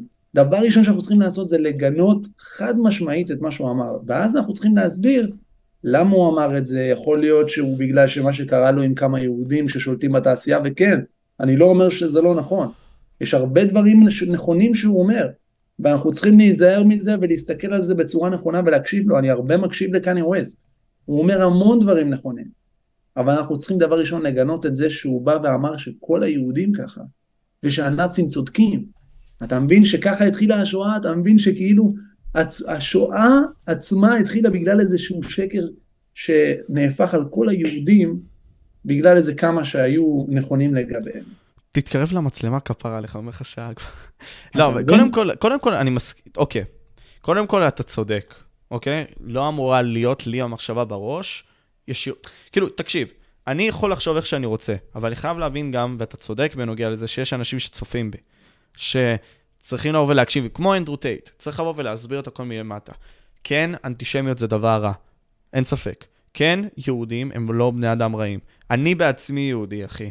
אני בא וקורא מצוות, אחי, וחוקר על העולם התנ"כי, וגם שומר מצוות, וכל פעם מהלל אנשים ששומרים מצוות, אוקיי? אני פשוט חושב שאנחנו לא צריכים רק לבוא ולגנות אנשים שחושבים אחרת. באידיאולוגיה שלי, ופה תגיד לי מה אתה חושב, דניאל, רעיונות מנצחים רעיונות חזקים יותר. כן, אבל אתה לא יכול לנצח רעיון של נאצים ברעיון אחר. אתה לא יכול לנצח. זה דברים שאי אפשר לתת להם במה, ואני הכי מסכים, אני לא יודע מה אתה חושב על זה, אני הכי מסכים שחסמו אותו בטוויטר, ומסכים שחסמו אותו גם בזה. למרות שאני חושב שמגיע לבן אדם הזה במה שיקשיבו לו, אני עדיין חושב שאסור לבוא ולהתיר משפטים כאלו שהבן אדם אומר, נאצים צדקו. אתה מבין את זה? כשאתה שומע נאצים צדקו, אחי, זה מסוכן, כי יש באמת אנשים היום שהם נאצים, יש עד היום נאצים בעולם, אתה יודע את זה שיש אנשים היום שחושבים שכל היהודים צריכים למות. זה מסוכן, אנחנו חייבים לגנות את הדבר הזה, ואחרי זה כמובן להקשיב לו, אתה שמעת מה הוא אמר על בלנסיאגה? אה, הדברים כן. שהיה שם, זה כמובן שצריך להקשיב לו. הבן אדם יודע על מה הוא מדבר, הוא נמצא בתעשייה והוא לא סופר אף אחד ואומר את כל האמת עליהם וכל הכבוד לו. אבל צריך גם להיזהר מהדברים שהוא אומר על היהודים, אתה מבין? הבעיה שלו זה שהוא ראה כמה יהודים שהיו שולטים בתעשייה והפך את זה על כולם, והתחיל להצדיק את הנאצים, אתה מבין? זה מסוכן. זה מה שאני אומר. אני חושב שהוא, ברעיון שלו, אני לא, אני באמת לא יודע אם הוא מעודד הסתה או לא, אבל אני בתור הבן... אדם אמר שהנאצים צדקו, אתה מבין? הבן אדם, אוקיי, תקשיב, תקשיב. קודם כל כן. טוב, אני מסכים איתך. נקודה, אני מסכים איתך, מסכים. אני לא רוצה עכשיו לעודד אותו יותר מדי, בסדר, מסכים איתך. אני פשוט, בתור בן אדם, יותר מקשיב לאנשים בצורה הרבה יותר רציונלית, ולא לוקח כל מה שהם אומרים כאל אמת שהם מתכוונים אליה. אבל שוב, אחי, יש הרבה מאוד אנשים בעולם הזה שכמו עם אנדרו טייט, ואני גם צריך להבין את זה, לא כולם מבינים מה המסר של אותה דמות מאחורי המסכה. לא כולם בוחרים לחקור כל כך הרבה. אנחנו דור שצורך הכל מהטיקטוק, אחי. זה גם למה אתה הצלחת, כי אה, אתה היית המענה לאותם אנשים באותם חדשות שהם היו צריכים. כן, כן, כן, אני מבין שיש דברים נכונים שהם אומרים, אבל אנחנו קודם כל צריכים להתחיל בלגנות אותם, ולא לאפשר את המשפטים האלו שהם אומרים כלפי חוץ. כל עוד הם לא יודעים להסביר את עצמם בצורה אה, נורמלית בלי לבוא ולהצדיק את היטלר, אנחנו לא יכולים שלא לגנות את זה. אחרי זה, כשגיננו את זה, אנחנו עדיין יכולים ללכת ולהקשיב לדברים האחרים שהוא אומר, שהוא צודק. יש לו הרבה דברים שקניה ווסט אומר, וצריך להקשיב לו, הוא חושף הרבה את התעשייה שם בחו"ל, ש, שכל הכבוד לו, הוא ממש מסתכן עם זה, והוא סיכן את עצמו, הוא הפסיד מאות מיליונים בגלל הדבר הזה. מי, קניה ווסט או אנדרו? קניה ווסט. קניה ווסט הפסיד שתי מיליארד, אחי. זה בן אדם שהוא סתם אה, ריק, אתה מבין? לא באמת הרבה דברים שהוא חושף. שתי מיליארד, אחי, הבן אדם בא והפסיד, אחי, לקחו לו מפאקינג אדידס.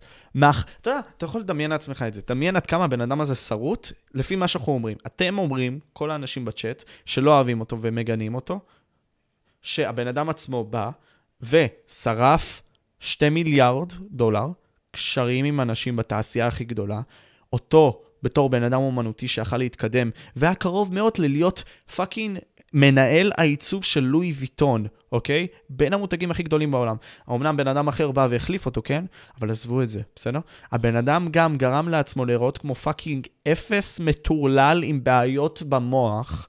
בזמן שמה שהוא יכל לעשות, זה להיות כמו הרבה מאוד אנשים, כמו הרבה מאוד מהאנשים העשירים, וזה פשוט לסתום את הפה, ליהנות מהחיים הטובים, אחי, וללכת לאיילנד של אפשטיין לכאורה, וליהנות שם עם ה... לכאורה מה שהיה שם, אם אתה יודע על מה אני מדבר. כן, תשמע, יש להם הרבה דברים חשובים ו- ומעניינים שהם אומרים שצריך להקשיב להם, אבל עם זאת, אנחנו חייבים דבר ראשון לגנות, כי שוב, אני אומר, יש נאצים בעולם שחושבים שבאמת צריך להרוג יהודים. כיום, זה לא אז. היום יש נאצים שמסתובבים בעולם, אנחנו חייבים דבר ראשון לגנות אותם. תבין שיש נאצים שמקשיבים ל... ל... איך קוראים לו? קניה ווסט, ואומרים, הנה, הוא גם, הוא גם חושב כמונו. ומי יודע אם עכשיו ילכו ובאמת ירצחו מישהו. אתה מבין? איפה נגמר חופש הביטוי לדעתך? כאילו, איפה אמור להיגמר? ברגע שזה פוגע באנשים, ברגע שזה פוגע באנשים, אה, יכול לפגוע הסתה ודברים כאלו, פה אין חופש ביטוי, וזה, אני חושב שזה כתוב בכללים של חופש הביטוי. חופש הביטוי זה כל, קודם כל כשזה לא פוגע באנשים אחרים, כשזה דעתך והכל סבבה, אבל כשאתה בא ומסית ורוצה, קורא לרצוח יהודים, קורא לרצוח, אה, או אפילו רק אומר שאין להם זכות קיום, ליהודים או ללהט"ב או לכל מיני אנשים כאלה, אה, כל, כל group אחר, אין לך זכות, אה, לדעתי זה לא מתחת חופש הביטוי.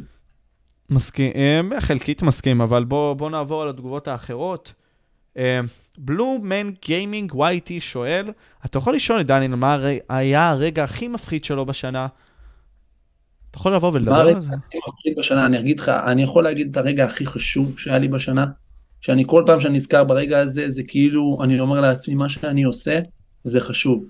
היה את המקרה של יואל, זיכרונו לברכה, שנרצח בלינץ' מזעזע של 30 ילדים בקריית שמונה. יומיים אחרי הרצח, עלינו ללייב ביוטיוב, וישבנו שם במשך שעתיים, שבו חלק מהילדים שנמצאים, שהיו ברצח, עולים ללייב ואומרים לי, דניאל עמרם, אתה שטינקר, אתה מלשין, אתה מוציא עלינו זה, אתה גורם לנו להיכנס לכלא. אנשים שהיו בלינץ' הזה, שאחר כך השתמשו במשטרה בלייב הזה להצליב עדויות שהיה ביניהם. אני אמרתי לעצמי, בואנה, מה, מה שאני עושה, זה כאילו, אני עושה, פה, אני עושה פה עבודת קודש. אנשים אומרים לי, אתה עושה עבודת קודש, אבל ברגע שראיתי את זה, אמרתי, זהו, אני עושה עבודת קודש. ומכאן מגיעה השאלה הבאה, אחי, כאילו, משהו שאני דווקא לא ידעתי עליך. אתה אומר שאתה עשית עבודת קודש והכל, ואתה יודע, אתה נמצא היום כאחד מגופי התקשורת העצמאיים הכי גדולים שיש, נקודה, כאילו, אין מה פה להגיד. SR72 שואל, משה, תשאל על התקופה שהוא היה ישן בארצות הברית ברחוב. ראיתי את זה ברעיון של עיתון הארץ. הופה, יפה, דווקא בדיוק אה, השבוע עשינו על זה רעיון בעוד אה, כלי תקשורת אחר, חושפים אצלכם, זה הולך להיות בצינור. אה, עשינו שם, הראיתי להם, היה תקופה ממש ממש קשה כשהגעתי לארה"ב, לא ידעתי אנגלית, לא היה לי שום כסף, השתמשתי בכסף האחרון שהיה לי רק בשביל הטיסה, והיה כמה שבועות שכן הייתי צריך לישון ממש ברכבת התחתית כדי להתקיים, הייתי עובד כשוטף כלים, ואז בערב הייתי הולך ויושן ברכבת עד שאני אספיק, עד שקיבלתי את המשכורת הראשונה שלי, ואז אה, שכרתי אה, דירונת קטנה, אבל כן, זה היה ממש ממש קשה. במשך שלוש שנים עבדתי מאוד מאוד מאוד קשה כדי שאני אוכל, איך אומרים, להתעסק במה שאני אוהב. ואיך התפרנסת תוך כדי, אתה יודע, זה מעניין אותי כי, תשמע, לכל אחד, כל אחד מהמצליחים לפחות, כל עוד הוא לא בא ונולד עם fucking כספים בכיס שלו, יש את hustle story שלו. ומעניין אותי מה ה hustle story שלך, אחי, בשביל להגיע לעמדה שאתה בה נמצא היום.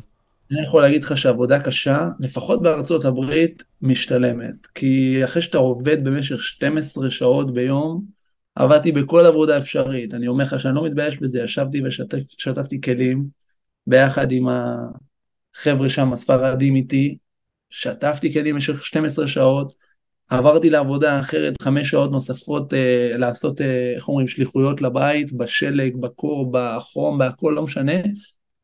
אמרתי, אני רוצה להגיע למצב שאני יכול להיות עצמאי, ויכול להקים חברה משלי, ויכול אה, לחיות כמו שאני אוהב, חסכתי מספיק כסף, קניתי דירה, קניתי בית, ועכשיו יש לי חברה, שאני, יש לי עובדים שעובדים בשבילי, ואני יכול, אתה יודע, להתעסק ב, בסטטיק ובשטויות אחרות של ישראל בידור, בו בזמן שיש לי עובדים שמכניסים לי כסף, אתה מבין?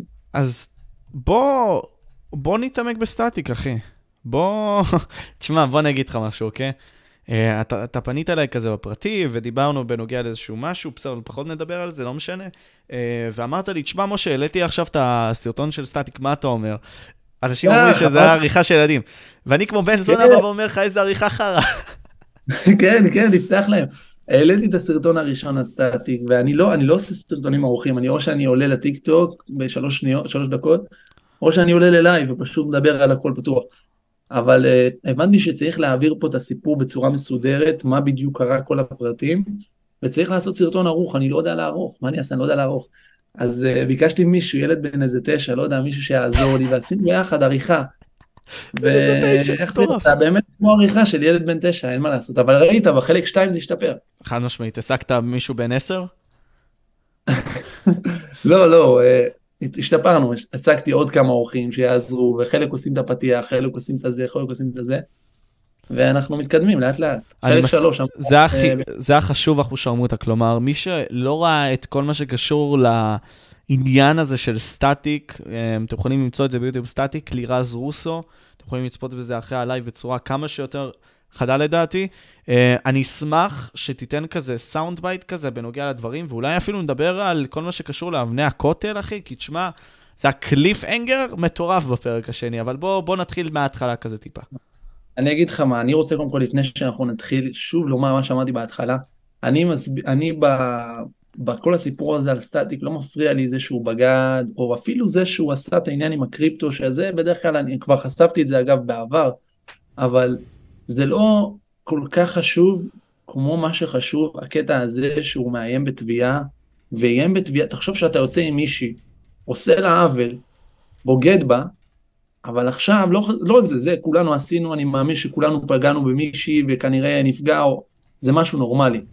אבל אז אתה בא אליה ומאיים עליה בתביעה של חצי מיליון, ורק בגלל שהיא הלכה לאיזה כתבה, מישהי, מישהו שאל אותה שאלה, מה היה עם סטטיק, והיא אמרה לו ככה בחצי מילה, שהוא בגד בה.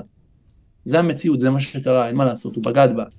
והיא צריכה לחטוף תביעה על זה של חצי מיליון. מסכנה, ברחה למאקו, התקשרה אליהם, דאגה שהכתבה תרד. זה סיפור הזוי בעיניי, וזה לא רק אחד, זה שתיים, שלוש, ארבע, אחד אחרי השני, ועכשיו גם שרית פולק בלייב עברה את הבגידה הזאת, והיא צריכה לשתוק.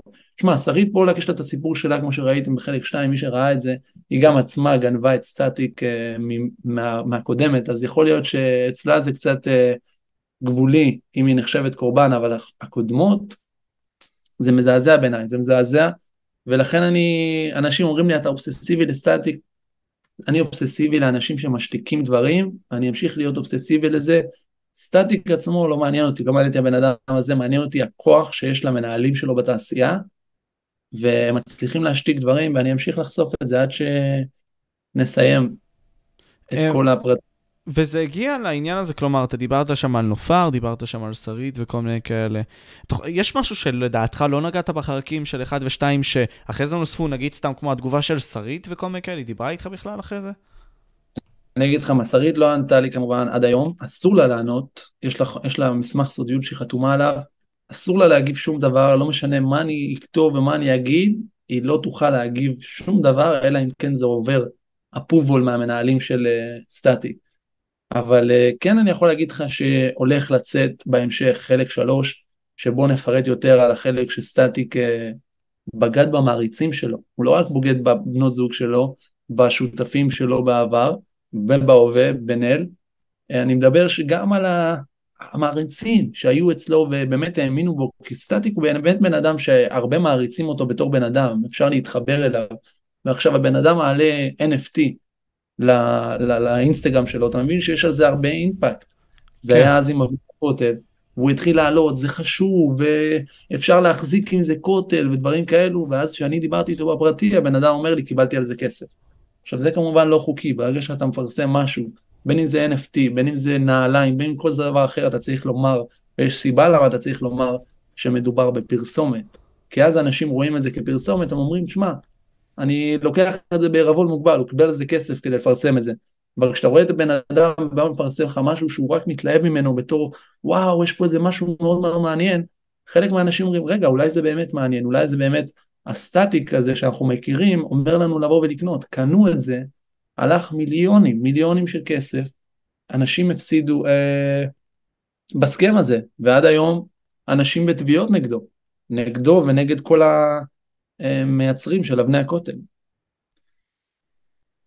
רגע, אז באמת תרחיב לי על זה, כלומר, מה זה היה אבני הכותל על זה? כאילו, אני זוכר בקטנה היה... הזה, אבל... בגדול, אני אגיד לך מה, זה היה הסכם מאוד מאוד רציני, בגלל שגם הסיפור עצמו שהיה מאחוריו היה שקר. בעצם הם טענו שהם יצרו קשר עם, עם הכותל עצמו, וזה בעצם אה, יוזמה של הכותל בכלל, ובעצם הם הולכים ועושים תמונות מיוחדות של אבני הכותל, תמונות שהם המציאו שזה משהו ויזואלי ושאתה רואה את תוך האבן, בסוף מתברר שזו תמונה שעשו באייפון בכלל, ובעצם בגדול מה שזה זה תמונות של אבני הכותל שמוכרים אותן.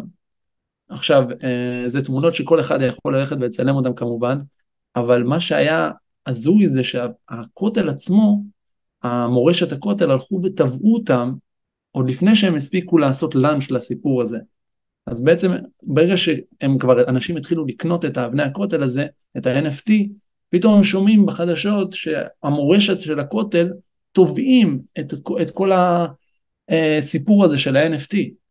ואז התחיל להיות בלאגן, והחבר'ה האלו התחילו לעלות באינסטגרם, אנחנו הולכים לתבוע את מורשת הכותל בחזרה, על הוצאת שם רע וכל מיני... אנשים כבר הבינו שהדבר הזה הוא הפסד גמור, אבל כבר הם לתוך, הדו...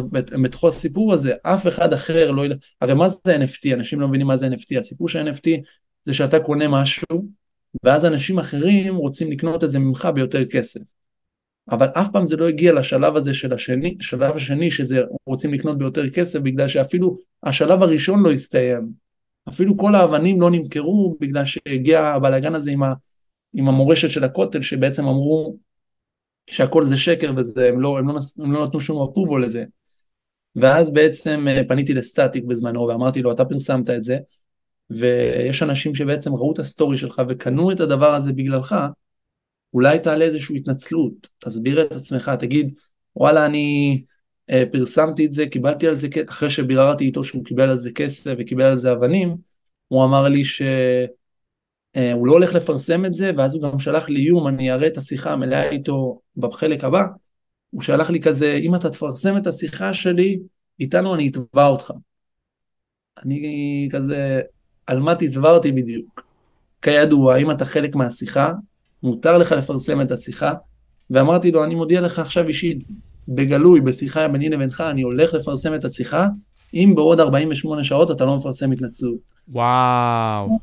אז יצאת ו... ויצרת איתו קשר, וואו. כן, כן, יצרתי איתו קשר. מי שעוקב אחרינו בעבר יודע את כל הסיפור הזה, העליתי אז לטיק טוק, אבל uh, אנחנו נסדר את זה יפה בחלק הבא, נסביר את כל הסיפור, נראה את העדויות, את הכל. את ההתכתבות בין, ביני לבינו, וסטטיק אה, לא הגיב מאז, גם כשהעליתי את כל השיחה שלו, הוא לא התנצל, ואנשים עד היום בתביעות נגדו ונגד הפרויקט הזה של אבני הכותל.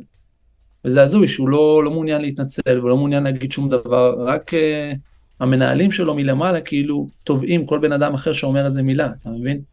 עליי זה קצת קשה, הוא גם שלח לי אגב איום בתביעה, אה, כשהתחלתי לדבר על כל הסיפור עם אלה לי וזה, אה, שלח לי איום בתביעה, אבל לא, לא המשיך עם התביעה הזאת. הוא לא יכול לתבוע אותך בפועל, אם, אם וקרה אפשר, הרבה אנשים חושבים שאי אפשר לתבוע אותי, אפשר, גם הייתה מישהי שתבעה אותי, אה, דנית גרינברג, שלחה לי ממש מכתב תביעה, היא הייתה יחידה, כולם הרי שולחים לי איומים בתביעה, קל לאיים, אבל אף אחד לא באמת בפועל תובע.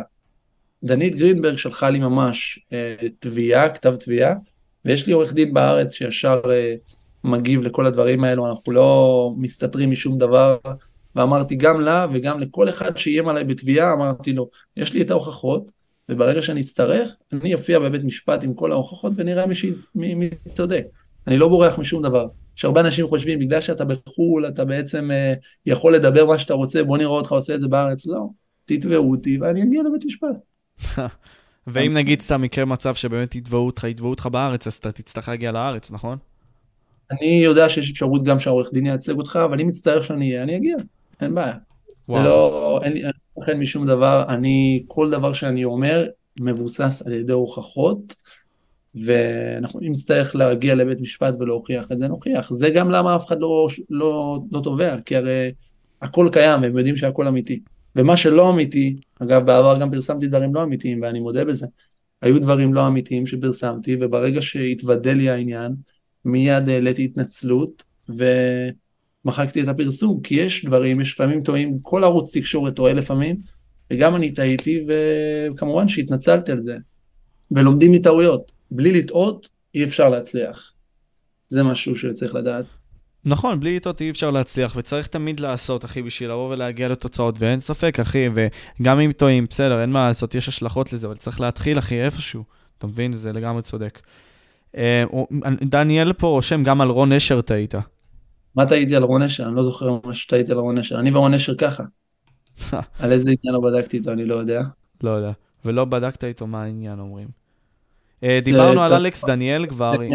בכללי, וונג, אז בלייב הקודם, אם אתם רוצים, אתם יכולים להיכנס. כן, על אלכס דניאל יש הרבה, זה נושא מאוד שנוי במחלוקת, אני חושב שהבן אדם הוא scammer, ויש הרבה אנשים פה ברשת שעדיין מעריצים אותו ורואים בו איזה אנדרו טייט של ישראל. אני חושב שהבן אדם הזה שקרן, וככל הנראה אנחנו נהיה איתו בבית משפט מתישהו. וואו, עד כדי כך כן. למה? כי הוא איים עליי, הוא איים עליי מספר פעמים, ואני מאמין שמתישהו זה יקרה. רגע, על הריב עם אשתו משהו, לא בדקת איתו.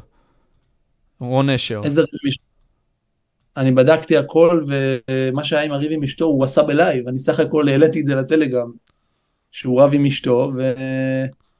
וזהו. לא, לא, לא יודע מה לא, מה לא בדקתי איתם. אני גם לא יודע. אה,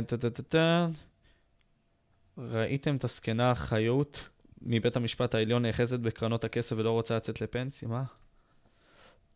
מותר לי... אה? מה היה בלייב של דניאל בטיקטוק עם אור ליברטי? מה היה הסיפור שם? SR72 אה, שואל. האמת, אור ליברטי, לא הכרתי את הבן אדם הזה, זה אחד שהבנתי שהוא עד מדינה, שהעלה בלייב בטיקטוק את פאני, שזה מישהי אחרת, אה, כוכבת ריאליטי לשעבר, הוא העלה סרטון שלה שהיא, איך אומרים, חשופה לגמרי. וואו. אני ראיתי את הסרטון הזה, שלחו לי את זה, ופשוט מזעזע, אני אומר, העליתי על זה לטיקטוק, כמובן לא העליתי את הסרטון, אבל העליתי על זה שהוא פרסם אותה, ו... ואז כאילו הוא התחיל, ואז הוא עלה איתי בלייב לאחר מכן, והתחיל להגיד, אה, ואז הוא העלה סרטון, מי זה הבן אדם הזה, וככה וככה, הוא גם שרף תפילין, מי הוא בכלל? עכשיו אני הסברתי לו, הוא הרי גם העלה סרטון, סרטון אחד לפני זה, יום אחד לפני זה היה לו מריבה עם מישהי אחרת, ואני כאילו הצדקתי אותו ואת האנשים האחרים סוג של בסיפור, וכאילו הוא יצא באור של, אה, חיובי בפעם הקודמת, אז הוא העלה את הסרטון שלי לעמוד שלו ואמר הנה אמרתי לכם שאני צודק. ואז למחרת שהוא יצא לא צודק, פתאום אני הפכתי לשורף תפילין והפכתי לבן אדם שלא צריך להתייחס אליו. בקיצור עליתי איתו ללייב והסברתי לו שאני סך הכל מסקר את המקרים איך שהם, ומבחינתי אין שום הצדקה בעולם, אנשים שואלים אותי למה לא הלכת אליו, שאלת אותו לפני זה, למה הוא עשה את זה. יש דברים שאין על מה לשאול למה הוא עשה את זה. למה הלכת, כאילו, איזה הסבר הגיוני יכול להיות בעולם על לבוא ולחשוף תמונה או סרטון של מישהי ערומה בלייב? זה נראה לך משהו הגיוני? אלא אם כן, אם היא לא חשפה אותו, כששאלתי אותו, היא חשפה אותך בלייב כשאתה ערום? לא. אז למה שאתה תלך ותעשה? אבל זה גם לא חכם, זה לא חכם משפטית לעשות את זה. זה עדיין לא הגיוני, אבל הוא לא עשתה את זה הרי, וגם זה לא חכם משפטית. אממה, אומרים שבגלל שהוא עד מדינה וזה, אז לא באמת אפשר לעשות לו משהו. לא יודע בדיוק איך זה עובד מבחינה משפטית, אבל ככה הבנתי. אתה אומר שהבן אדם untouchable לכאורה. בדיוק, ככה אומרים, untouchable. untouchable. תשמע, בא לי להגיע לכל הקונספט הזה של לייבים בטיקטוק, כי אתה, אתה מבין, בטח מכיר את זה הרבה יותר ממני, לפחות בישראל. Uh, כל התחרויות האלה, אחי, כל ה... וואו, כל האריות, כל השיט, אחי, כל הבנות האלה, אחי, שהן under age, שנמצאות שם ומרוויחות כסף וכל מיני כאלה, ואתה יודע, הבעיה היא שזה כמו פורנו, סוג של, אבל לא באמת פורנו, זה סוג של OnlyFans. OnlyFans, אבל בלייב, אחי.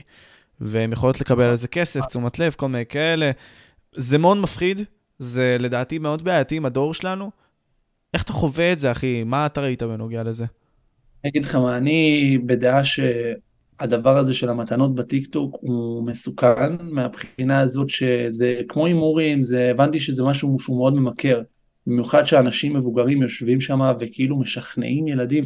ראיתי, את, אה, ראיתי מישהו השבוע בלייב, תגנבו את הכרטיסי אשראי של, המשפחה שלכם ותשלמו ות, לי פה.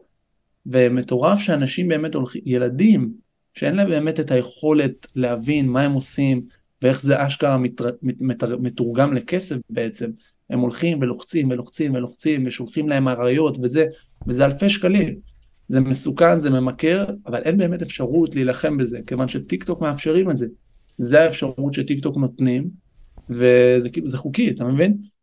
הדרך היחידה היא כשהורים ילכו ויתבעו או את טיק טוק או את אותם אנשים שהיו בלייב ושכנעו את הילדים שלהם לתרום, אולי יהיה אפשרות אה, להילחם בזה בצורה הזאת, אבל כל עוד טיק טוק מאפשרים את זה, אין דרך להילחם בזה. מה שכן הזוי זה, כשקורה בלייבים דברים שהם כמו מה שעכשיו אה, דיברנו, על אה, מישהו בא וחושף אישה ערומה בלייב, איך טיק טוק לא, חוש... לא חוסמים לו את החשבון? גם היה עם KS, אחי, בלייב שלו, מי, אחד הצופים שלו בא והראה את הסרטון פור, את הסקס שלו, אחי, שזה נורא, אחי. עזוב, איך זה יכול להיות שזה לא מנוטר? איך זה יכול להיות ש... אני יודע שטיק טוק בעולם, פה אם מישהו יעשה את זה בלייב בארצות הברית, הלך לו החשבון, תוך שנייה. טיק טוק, גם אם אחרי זה ישלחו את זה לטיק טוק, או שהם יראו אחרי זה שזה מה שקרה בלייב, הלך לו החשבון.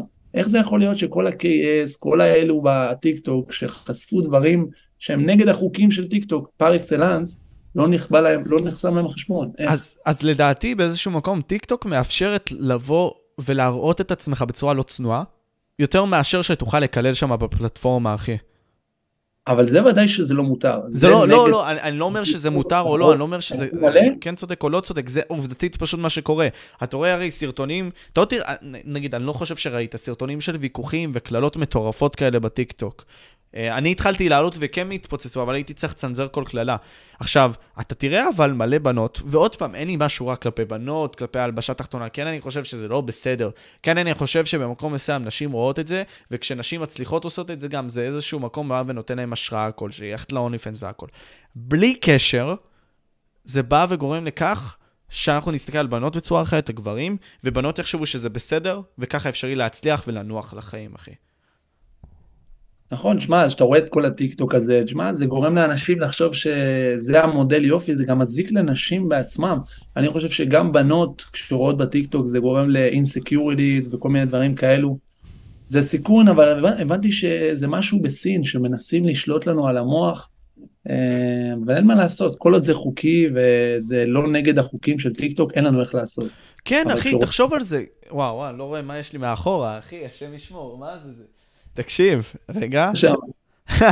תקשיב, בטיקטוק בסין, מה הם עושים? הם הרי, לדעתי, זו התוכנית של סין. להשתלט לך על המידע, להשתלט על איך להנדס לך את התודעה, שזה מה שקורה עכשיו, ולהשקיע בחברות שיש בהן אותך, אחי, את כל הקבוצה שלך, אוקיי? מה הם עושים? טיקטוק ב... בארצות המערב מעבירים מסרים של זנות, מסרים של אה, שנאה, זה מה שהאלגוריתם לפחות מקדם. מה האלגוריתם של בעצם טיק טוק, או יותר נכון טיק טוק השונה של סין, הוא טיק טוק שמקדם אנשים שמצליחים. טיק טוק שמקדם, אחי, את כל העבודה של שי ג'ין פינג, שזה בעצם הראש ממשלה שלהם, הם מקדמים את הדברים האלה. לא פורנו, לא שיט, אחי, לא בנות בעירום, לא ציצים ולא כלום. זה מטורף, זה מטורף, כאילו הם מנסים כאילו שסין תהיה הכי טובה ובעצם להרוס את כל העולם בעצם. זה הזוי, מעניין אם יהיה אפשר לתבוע אותם על זה. אי אפשר כאילו לתבוע אותם ש... כחברה, אחי, אתה לא... אנחנו מפתחים פה תיאוריות, אבל מי אמר שהתיאוריות האלה נכונות? זה השאלה, אם אפשר להוכיח את זה. אם עכשיו אנחנו נלך, נבדוק איך ה-for you נמצא בסין, ונשווה את זה לכל you בעולם, אני בטוח שאפשר לראות הבדלים. אני שמעתי על זה שהיו גם כמה כתבות על זה, שבסין בעצם כל ה... כמו שאתה אומר, כל ה-for you שם זה נושאים שהם אה, ערכים ודברים כאלו, למה הם עושים את זה? הם כאילו מנסים להרוס את העולם ולהשאיר את סין כמדינה הכי טובה. אחי, האמת זה לא אותה אפליקציה, קוראים לזה דוויין, נראה לי, ככה קוראים לזה, אוקיי. לאפליקציה עצמה. זו אפליקציה שונה, אז אי אפשר לבוא ולהגיד את זה, אבל uh, לדעתי שווה לחקור את זה, אחי, כי לדעתי סין באה ומנסה להשתלט על העולם ככה. לגמרי, נראה לי אני אשים עכשיו VPN של סין בטיקטוק, נראה איך זה, אם זה יעבוד. אני חושב שזו אפליקציה ספציפית, אחי, אבל אתה יכול לנסות. נכון, נכון, אני אבדוק את זה. Uh, טוב, צ'אט, יש לכם עוד שאלות לבינתיים, לפני שאנחנו ממשיכים בנושאים שלנו? בואו נראה. יאללה, יאללה, יאללה. האם אפשר לשאול מה הבעיה שלך עם אייל גולן? יש לך בעיה עם אייל גולן? מה? אני אגיד לך את האמת, אני לא, לא מתבייש להגיד את זה, אני חושב שאייל גולן הוא בן אדם גרוע מאוד, בן אדם שהוא כאילו הפך להיות בן אדם שהוא המודל של הזמרים בארץ, למרות שהוא זמר טוב, זמר מעולה, שאני גם, יש שירים שלו שאני מאוד אוהב, אבל בתור בן אדם, מה שהוא עשה, אני לא יודע מה קרה שם באמת מאחורי הקלעים והכל, אבל ברמה הזאת שמה שקרה שם ועם אבא שלו וזה שהוא אף פעם לא לקח שום אחריות על זה, אני אישית חושב שמגיע לבן אדם הזה קצת יותר קשישה, ורק בגלל שהוא כאילו משלנו וערס ו... וכזה, אתה יודע, מזרחי, אנשים כאילו עושים לו הנחות כי טוענים שכל הרדיפה נגדו זה בגלל שהוא כזה. אבל זה לא נכון, הבן אדם עשה דברים והיה צריך לקחת על זה אחריות. אבא שלו ניצל את העובדה שכך וכך קרה שם, אני לא יודע בדיוק את כל הפרטים של מה שקרה שם, אבל אני יודע שכשיש מקרים כאלו צריך לקחת את זה במלוא הרצינות, אתה מבין? זה כמו ש... תסבר לי את האוזן, באמת אני לא יודע מה היה שם, אחי, תסבר לי את האוזן. אני אגיד לך מה, לא יודע את כל הפרטים, אבל כן אני ראיתי את הריאיון שלו, שהיה בתוך ה... היה לנו כזה ראיון אה, עם המשטרה, אינטריגיישן, ובעצם המשטרה שם דיברו איתו ואמרו לו, היה, יש פה חמש בנות שאומרות שאת, שהן היו אצלכם קטינות, שהיו אצלכם, והיה כך וככה וכך. ואייל גולן אומר כזה, כן, נו, נו, ואין לי בעיה. הוא לא נראה דואג מזה, יש פה קטינות שהיו אצלכם בבית ויש סיכוי שאבא שלך אנס אותן. והוא כזה, נו ו, זה לא אני, זה לא קשור אליי. הבנות האלו הגיעו בגלל שאתה אייל גולן. הם הגיעו אליך לבית בגלל שאתה אייל גולן ואבא שלך עשה את זה, איך אתה לא יכול, גם אם אתה לא קשור לזה, גם אם אתה לא זה שעשית משהו איתם, ואני לא חושב שהוא עשה משהו, עדיין אתה זה שהבאת את הבנות האלו לשם ואתה חייב לקחת את זה אחריות. אתה מבין? אוקיי. אבל אני מאמין שהרבה אנשים מעריצים אותו, זה בדיוק כמו אנדרו טייט, אנשים כאילו רואים באנשים האלו כאיזה מודל כזה, הוא אף פעם לא, איך אומרים? He's not gonna fuck you. אתה מבין? מבין, אחי. פחות התחברתי לנושא עצמו, אבל מעניין. בוא נראה מה אנשים חושבים. כמו שראית את הפודקאסט שלך, שבארצות הברית עושים לי תוכן שינוי מין, אהבתי מאוד, תודה רבה לך, אחי. אומר לך את האמת, משה, לך תדע שאם יש אנשים שמשלמים לדני כדי לא לחשוף אותם, יכול להיות. יכול להיות, דניאל, לא. יכול להיות שאתה שחקן, אחי. אתה באמת חושב שיכול להיות? אתה באמת חושב שיכול להיות? לא, לא, תשמע, קודם כל, אני אגיד לך, בחיים לא קיבלתי הצעה כזאת, אבל אני חושב, אני יודע למה גם זה לא, כי אנשים, אנשים לא באמת רואים בי כבן אדם שישתיק להם, ההפך, אני אחשוף את זה, אני אקח את הכסף ויחשוף את זה שהם, אה, אתה מבין? זה מה שאני אעשה. אני מאמין שאתה תעשה את זה. אני יודע שאתה תעשה את זה. אה, אני אגיד משהו. אה, קודם כל, אני חושב שאפשר... כן, זה מיליון. אם זה סכום סכום, אז יכול להיות שכן. אתה אומר אם זה 10 מיליארד, אחי, ואי, וואלה, כן. אם זה כסף, כסף תמיד בסוף מדבר. אם זה עכשיו סכום סכום, יכול להיות שאפשר לדבר. סטטיק, אם יש לך איזה סכום סכום, יכול להיות שחלק שלוש לא יצא. אני... אתה תיקח ממנו את הכסף, תעשה את חלק שלוש. בדיוק. טוב, צ'אט. רגע, דניאל, אני יכול לדבר, אוקיי. תשאל אותו ממה הוא מרוויח, הוא יש לו עסק, וגם בקטנה אולי... נכון, יש לי עסק, הוספנו את זה פה, מה? מה היה פה עם הטרנסים? אה, זה משהו שאני עשיתי פודקאסט עליו, מישהי שהיא חוקרת. על כל העניין הזה של הטרנסים, ואנשים ממש אהבו את הפרק הזה, זה כאילו, אתה יודע, בגלל שאי אפשר לדבר על הנושא הזה, הוא יותר מדי טאבו, הבאתי חוקרת של הדבר הזה, ואמרתי, טוב, אוקיי, בואי דברי על זה, מגניב, רוצה לשמוע. בואי, מה החוקרת אמרה? היא אמרה שקודם כל, כל העניין הזה של הטרנסים, בהרבה מאוד מהמקרים, לפחות אצל הצעירים, זה סתם פלסטר ששמים להם על הנפש, אחי. אפשרי לפתור את זה, זה נקרא דיספוריה מגדרית, זה נקרא בלבול מגדרי. ואפשרי לסדר את זה, זה לרוב מסתדר כשאתה נער, אוקיי? עכשיו, היא באה ואומרת ש... בהרבה מאוד מהארצות, במיוחד המערביות, מתחילים לבוא ולשים, ויש דוגמה גם נראה לי של ילד בן או ילדה בת ארבע, אני פשוט לא זוכר, שהם עברו משהו הורמונלי, אה, משהו שקשור לעניין הזה, ואתה יודע, מכניסים לצעירים את כל ההורמונים האלה בצורה שהיא מאוד באה ויכולה לדכא אותם להמשך החיים שלהם, אחי, בגיל צעיר. והיא אומרת, תקשיבו, אוקיי? צריכים להתעורר על זה. הילדים הצעירים שלנו נפגעים מזה, חותכים להם את הבולבולים, שמים להם שדיים, באים... כן, אחי, ילדים בני 13? לא. אני, אני לא יודע וואו. בחוק מתי זה, אולי 14 או 16, אפשרי לחתוך להם את הזין, אחי. אני אגיד לך מה, אני הייתי ביום שישי עם איזה צלם, שהוא צלם של uh, ערוץ תקשורת מאוד גדול בארצות הברית. הצינור, שכרו אותו, והוא אמר לי שהוא עצמו חשף מקרים, כמו שאתה טוען, של ילדים שהסתירו מההורים שלהם את העובדה שבעצם משנים להם את המין, והם רצו בעצם לעשות שינוי מין, ובעצם הסתירו את זה מההורים שלהם, אבל התחילו לתת להם כל מיני תרופות מאוד מאוד חזקות של שינוי מין, ושעושות, אה, עוצרות את הגידול וכל מיני דברים כאלו. עכשיו אני עם כל התמיכה, כמו שאתה רואה יש לי תמיכה, אני תומך מאוד גדול של הקהילה הלהט"בית, אני חושב שדבר כזה הוא מסוכן, ואני הכי נגד הדבר הזה, הכי בעולם, אני חושב שילדים זה מחוץ לתחום, ואי אפשר לעשות, בטח שלא לעשות דברים נגד ה... לעשות להם דברים שהם בלתי הפיכים בגוף שלהם, נגד הרצון של ההורים שלהם. אני חושב שעד גיל 18 צריך לעצור עם כל השטויות האלו, לתת לילדים, אה, כמובן אם הוא רוצה ללבוש שמלה או דברים כאלו, שיתלבש כמו אישה או שיעשה מה שהוא רוצה, אבל לא לעשות כל מיני טיפולים ודברים שהם יכולים להיות אה, נזק בלתי הפיך, כי אתה יכול להיות שבגיל 18-19 הבן אדם יגיד, מה, אני גבר, אני לא רוצה באמת להיות אישה. ו- אי אפשר לדעת. ואין כן? לי בעיה שאנשים יעשו את זה בגיל יותר מאוחר, למרות שבריאותית, בסדר, לעשות את זה נגיד סתם לנשים, סתם דוגמה, הראה, יש איזשהו מחקר שהיא אמרה לי, משהו הזוי, שאם אתה מכניס טסטסטרון, אתה מכיר את ההורמון הזה, ההורמון הגברי כביכול, ההורמון שנותן לגבר להיות גבר וכל מיני כאלה, ונותן לו הרבה מאוד עוצמה. אה, אם אתה מכניס את זה לאישה ברמה מאוד גבוהה, זה מעלה לה את הסיכוי למות, יותר נכון, או לקבל התקפים או משהו בסגנון הזה, אני פשוט לא רוצה שתיקחו אותי כאילו, זה או לקבל התקף לב, או מחלת לב, או מוות, או משהו בסגנון הזה, ב-300 אחוז, אחי. אתה יודע מה זה 300 אחוז? 300 אחוז, אחי, תדמיין שב-S&P 500, המדד של ה-500 החברות הכי טובות, בממוצע בשנה זה עולה, לא יודע, 15 אחוז זה עושה. 500, 300 אחוז זה מטורף. אני אגיד לך משהו שהוא מאוד מאוד uh, חשוב בנושא הזה. בוא נגיד, אנחנו מדברים כרגע כמובן רק על מעל גיל 18 אנשים בוגרים שהגיעו למסקנה, שהם, בוא נגיד, אישה הגיעה הגיע למסקנה שהיא גבר, היא כלואה בתוך גוף של אישה. ואגב, זה משהו שנבדק, ופסיכולוגית זה קיים, זה קיים, יש, יש אה, הרבה אנשים שנולדו בגוף של אישה.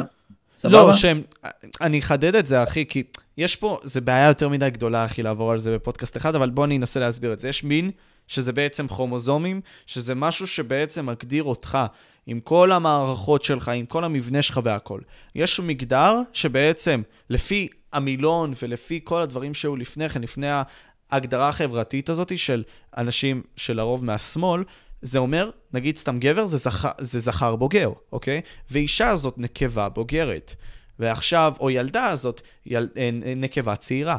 בכל מקרה, אחי, האנשים מהשמאל באים ואומרים שמגדר זה, כמו שאתה אומר, הגדרה.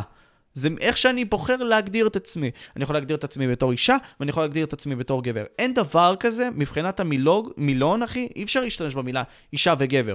יש דבר כזה, כמו שאתה אומר, אחי, להתנהג כמו אישה, להתנהג כמו גבר, אחי, ללבוש כמו גבר, להתלבש כמו גבר. אין לי כן, בעיה, מותר לעשות את זה. זה בדיוק למה יצרו את הדבר הזה של המושג מגדר, בגלל אותם אנשים שגדלו, שבאמת נולדו בגוף של אישה, או אישה שנולדה בגוף של גבר. זה קיים, זה פיזית, זה, זה, זה מחקרים שבדקו. עכשיו, אתה יכול להגיד שכמו שאתה אומר, יש מחקרים שאם בן אדם לוקח את הטוסטרון הזה, זה יכול לפגוע בו, אבל אל תשכח שיש אנשים שאם הם יישארו ככה בגוף הזה שהם כלואים בו, הם יהרגו את עצמם במאה אחוז.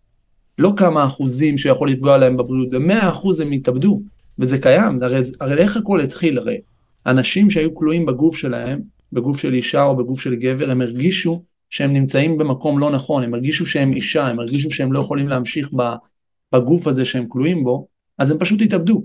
הם הבינו שהם כאילו הרגישו שהם לא שייכים לעולם. אז הם הרגו את עצמם, ואתה יודע כמה אנשים, הכמויות של ההתאבדויות היה ברמות אדירות, ואז כאילו ברגע שהבינו שצריך לעשות פה איזושהי פתיחות מסוימת, מישהו שרוצה להפוך להיות, וזה למה גם אגב מממנים את זה מהמדינה ודברים כאלו, כיוון שאחרת הם פשוט יתאבדו. כי הם הרי כלואים, הם אנשים ש... אני לא אקרא לזה חס וחלילה נכים, אבל זה כאילו אנשים שנולדו בצורה, זה כמו שאתה תיוולד בגוף של, אה, לא יודע, של משהו אחר, שהוא לא בן אדם. אתה מבין? אתה לא יכול, אתה תרגיש שאתה, אתה, אתה, תחשוב שאתה נמצא בתוך גוף של כלב, אתה כזה, אני, אני יודע לדבר, אני רוצה לדבר, אני, אני, יש לי שפה. כולאים אותך בתוך גוף מסוים, וזה כאילו, זה טריף, זה, זה יכול להטריף לך את הדעת. אז שילכו, שישנו את המין, ש, שיעשו מה שהם רוצים, שיקראו, לי, שיקראו לעצמם אישה. העיקר שירגישו טוב עם עצמם, ואני לא מבין למה אנשים, זה מפריע להם. אני רוצה לקרוא לעצמי אישה. תקרא, אוקיי, תקרא לי אישה, מה אכפת, מה אכפת לך? אני, עכשיו, אני לא אומר שעכשיו אה, מישהו שקוראים לו, שקר, שקראת לו בטעות גבר, כי הוא נראה גבר, אבל הוא באמת אישה, עכשיו תצעקו עליו ותגידו, קראת לו בטעות במגדר הלא נכון. אבל כן, צריך לכבד מישהו שרוצה לקרוא לעצמו אישה, שיקרא לעצמו אישה, ואני הכי מכבד את זה בעולם. עם זאת, אני נגד זה שיעשו את זה לילדים. זה משהו שהוא מסוכן בעיניי. בואו נתמקד על כל העניין הזה של דניאל יונה ודה קוק. מה אתה אומר, דה כהן? זה הרבה אנשים אומרים לי, איך אתה בכלל מסקר את העליבות הזאת? ככה אנשים אומרים לי, איך אתה בכלל מדבר על זה? אני חושב שכל דבר שהוא מעניין, צריך לסקר אותו, גם אם זה פחות עכשיו ברמה אדירה או ברמה אינטלקטואלית גבוהה, נסקר את זה כל עוד זה מעניין, וזהו. וכן, יש את דה כהן ודניאל יונה. אני חושב שאני דיברתי עם דה כהן, דה כהן הוא יותר איתי בדו-שיח מאשר דניאל יונה. פעם דיברתי גם עם דניאל יונה, אבל אני חושב שלדוגמה, הריב הזה שהיה ביניהם, מה זה הריב? הקרב אגרוף הזה וואו. שהיה, הוא היה נטו לכסף, וזה בסדר גמור, זה חבר'ה שעושים uh, כסף, וגם כהן עצמו אמר לי, תשמע, אני לא מדבר, זה היה עוד בשפה, בתקופה ההיא שהוא לא דיבר איתו, ודה כהן, ופתאום דניאל יונה מעלה עליו טיק טוק, אומר, אני רוצה שאתה תבוא נגדי לקרב. כולם היה כמויות של הודעות לדה כהן, תאשר את הקרב, אל תאשר את הקרב, אל תתייחס אליו, אבל כן היה טראפיק, טראפיק מטורף. כהן כתב לי בפירוש, תשמע, יש פה טראפיק, אני יכול להשתמש בו. סבבה? אני יכול להשתמש בטראפיק הזה, ואני יכול להגיד, אני לא אתייחס אליו, לא אתן לו במה. אני אמרתי לו, תשמע, אתה כוכב רשת, מותר לך להשתמש בטראפיק הזה, אבל אל תיתן לו לבוא ולהגיד שיהיה קרב, ובסוף הוא יבטל את זה. זה אל תיתן לו לעשות. ובסוף זה יצא, אתה מבין? אבל זה ביזיוני, אחי, כי אמרת את זה גם באיזשהו מקום, כן? אבל תחשוב על זה, כמה זה בא ומוריד מהספורט הזה שנקרא אגרוף. כמה במקום מסוים, אתה יודע, אין לי בעיה שאנשים יעשו אירועים, כן? אבל אם אני הייתי ילד באותו מופע, לדעתי, אמנם לא הייתי מבין את זה, אבל אתה מבין שבן אדם בא ומזייף לגמרי קרב, אחי? דניאל יונה מרביץ לבן אדם, אחי, ב fucking חזה, סבבה? שלך תראה את זה בקרב, ב fucking אמת. לא קורה, אחי, זה לא קורה, ופתאום... מסיימים את הקרב, אחי, בתוך איזה כמה דקות, אחי, לא משהו רציני, משהו אגרוף לכתף, אחי, מה, מה, מה? כאילו, אני מבין אה, את כל העניין לא. הזה, ההייפ והכל, אבל גם, גם הם היו, נדחקו לפינה בגללך, כאילו, אתה, אתה המאניה, כן? נדחקו לפינה כן, בגללך. בהתחלה רצו לבטל את זה, לעשות בכלל איזשהו קרב על כדורסל או משהו. זה ממש הכעיס אותי, כי אנשים קנו לראות קרב, ובסופו של דבר הם ראו קרב, תגיד, קרא לזה קרב מזויף. אני אישית לא חושב שהם מיומנים כל כך כדי להפור, לעשות קרב מזויף, אבל אני כן יכול להגיד לך שהם לא מיומנים בכלל לריב ולעשות קרב אגרוף בכלל. אז אולי זה נראה מזויף, אבל דניאל יונה לא באמת יודע לתת אגרופים. דניאל, אחי, אבל בוא, בוא, אם היית עושה קרב, אותה קרב הרחוב, היית מרביץ לבן אדם בחזה כל הזמן במקום לפגוע לו בפנים, אחי? והבן אדם עומד מולך, אחי? דניאל יונה יודע לתת אגרופים? לא, לא קשור, אבל... אבל אתה רואה, נגיד סתם, אתה רואה MMA או אגרוף או משהו? כן, אני כן חושב שהם עשו, זה, איך אומרים, זה בושה לקרב, אבל אני כן חושב שזה. היה שם מופע יפה, שסוף סוף, איך אומרים, הוא נתן לו פצצה לפנים והוריד אותו, זה בעיניי אה, היה יפה וחמוד, וגם תקרא לזה מזויף, אני לא יודע, אני לא יודע, לא חושב שאפשר לזייף את זה, איך אפשר לזייף את המכה הזאת שהוא נתן לו על הרצפה? אחי, אני הראיתי את זה בלייב שלי, הראיתי את זה בסרטון שלי. תדמיין שאתה בא נותן אגרוף לפה, כאילו, מפה כזה, לפה, ללסת. אני יכול לפגוע לך בכתף וליפול פשוט. וזה מה שהיה, אחי, זה מה שהראיתי גם בסרטון שלי שעשיתי עליהם. אבל איך הוא נפל אחורה, נראה לך שבן אדם יכול ליפול אחורה, בטח לא דניאל יונה שאין לו כירוגרפיה בכלל. איך הוא יכול ליפול אחורה, אתה מבין? זה לא חושב שזה אפשרי, אני חושב שהם פשוט אמרו, תיכנסו, אל תיתן, אל תיתן לו פצצות, הוא בטח אמר לו, תרחם עליי, אני אתן לך כמה פצצות, תיתן לי פצצה אחרי זה, וזהו, נרד מהסיפור. אבל זה כן היה אמיתי, אתה מבין? זה כאילו... אם דניאל יונה היה יכול, הוא היה נותן לו מכות, אתה מבין? הוא פשוט לא, אין לו, אין לו את הכירוגרפיה לזה, כמו ש... אתה מבין? לא יודע, אחי, לא מסכים איתך. אבל בסדר, כי... כי, כי, זייפו את הכל. כי, כי לדעתי, תשמע, כן, אחי, אם אתה לא היית מדבר אליהם, בסדר, וככה אני מאמין כאחד מהצד, הם לא היו עושים את הקרב אגרוף. עזוב את זה, אחי. לדעתי, אה, הם סוג של, מש... אני לא יכול, לא יכול להגיד את זה כעובדה, כן? אבל לכהן סוג של משתמש בך. בשביל להראות כזה שהוא איתך בצד שלך, בשביל לקדם גם חלק מהדברים שלו, יכול להיות שאני טועה, כן? אני אומר את זה לכאורה לגמרי. זה מה שאני חושב. דבר שלישי, אחי, זה המפוברק, כאילו, אתה לא יכול לבוא ולהגיד לי קרב אגרוף. אתה יודע מה? אם הייתי עכשיו בקרב אגרוף נגד כל יוטיובר, אחי, בין אם זה... טוב, אני לא רוצה עכשיו שיקחו לזה קליפ, בסדר? אבל בוא ניקח מאיזשהו יוטיובר, אוקיי? הייתי מכוון ישר לתוך הלסת, אחי. וואו! לא לפאקינג חזה של הבן אדם, אחי, והבן אדם עומד מולך ככה, תעשה איתו. בוא נפתח על היוטיוברים שיש לך איתם ביף, זה אני רוצה שנפתח. תשמע, היה לי, היה לי משהו... אחי, וואלה, לא, לא כיף לי לדבר על זה, כן? אני גם לא, לא רוצה כל כך לדבר על זה, כי עבר לי מזה, אבל היה לי עם רונן, אחי, משהו. אה, רונן, עשינו איתו פודקאסט בפעם שעברה? כן, אז מאותו פודקאסט, אחי, סוג של, בעיניים שלו, אה, איכשהו אני יכול להבין את זה, איכשהו אני יכול גם לא להבין את זה, בסדר? אני לא רוצה לבוא ועכשיו לפתוח את זה שוב, אבל הוא צייר אותי כבן אדם שבא ועושה עליו צפיות על הגב שלו, אוקיי? שזה אחד. שתיים, בן אדם שהוא בא ומורח אותו.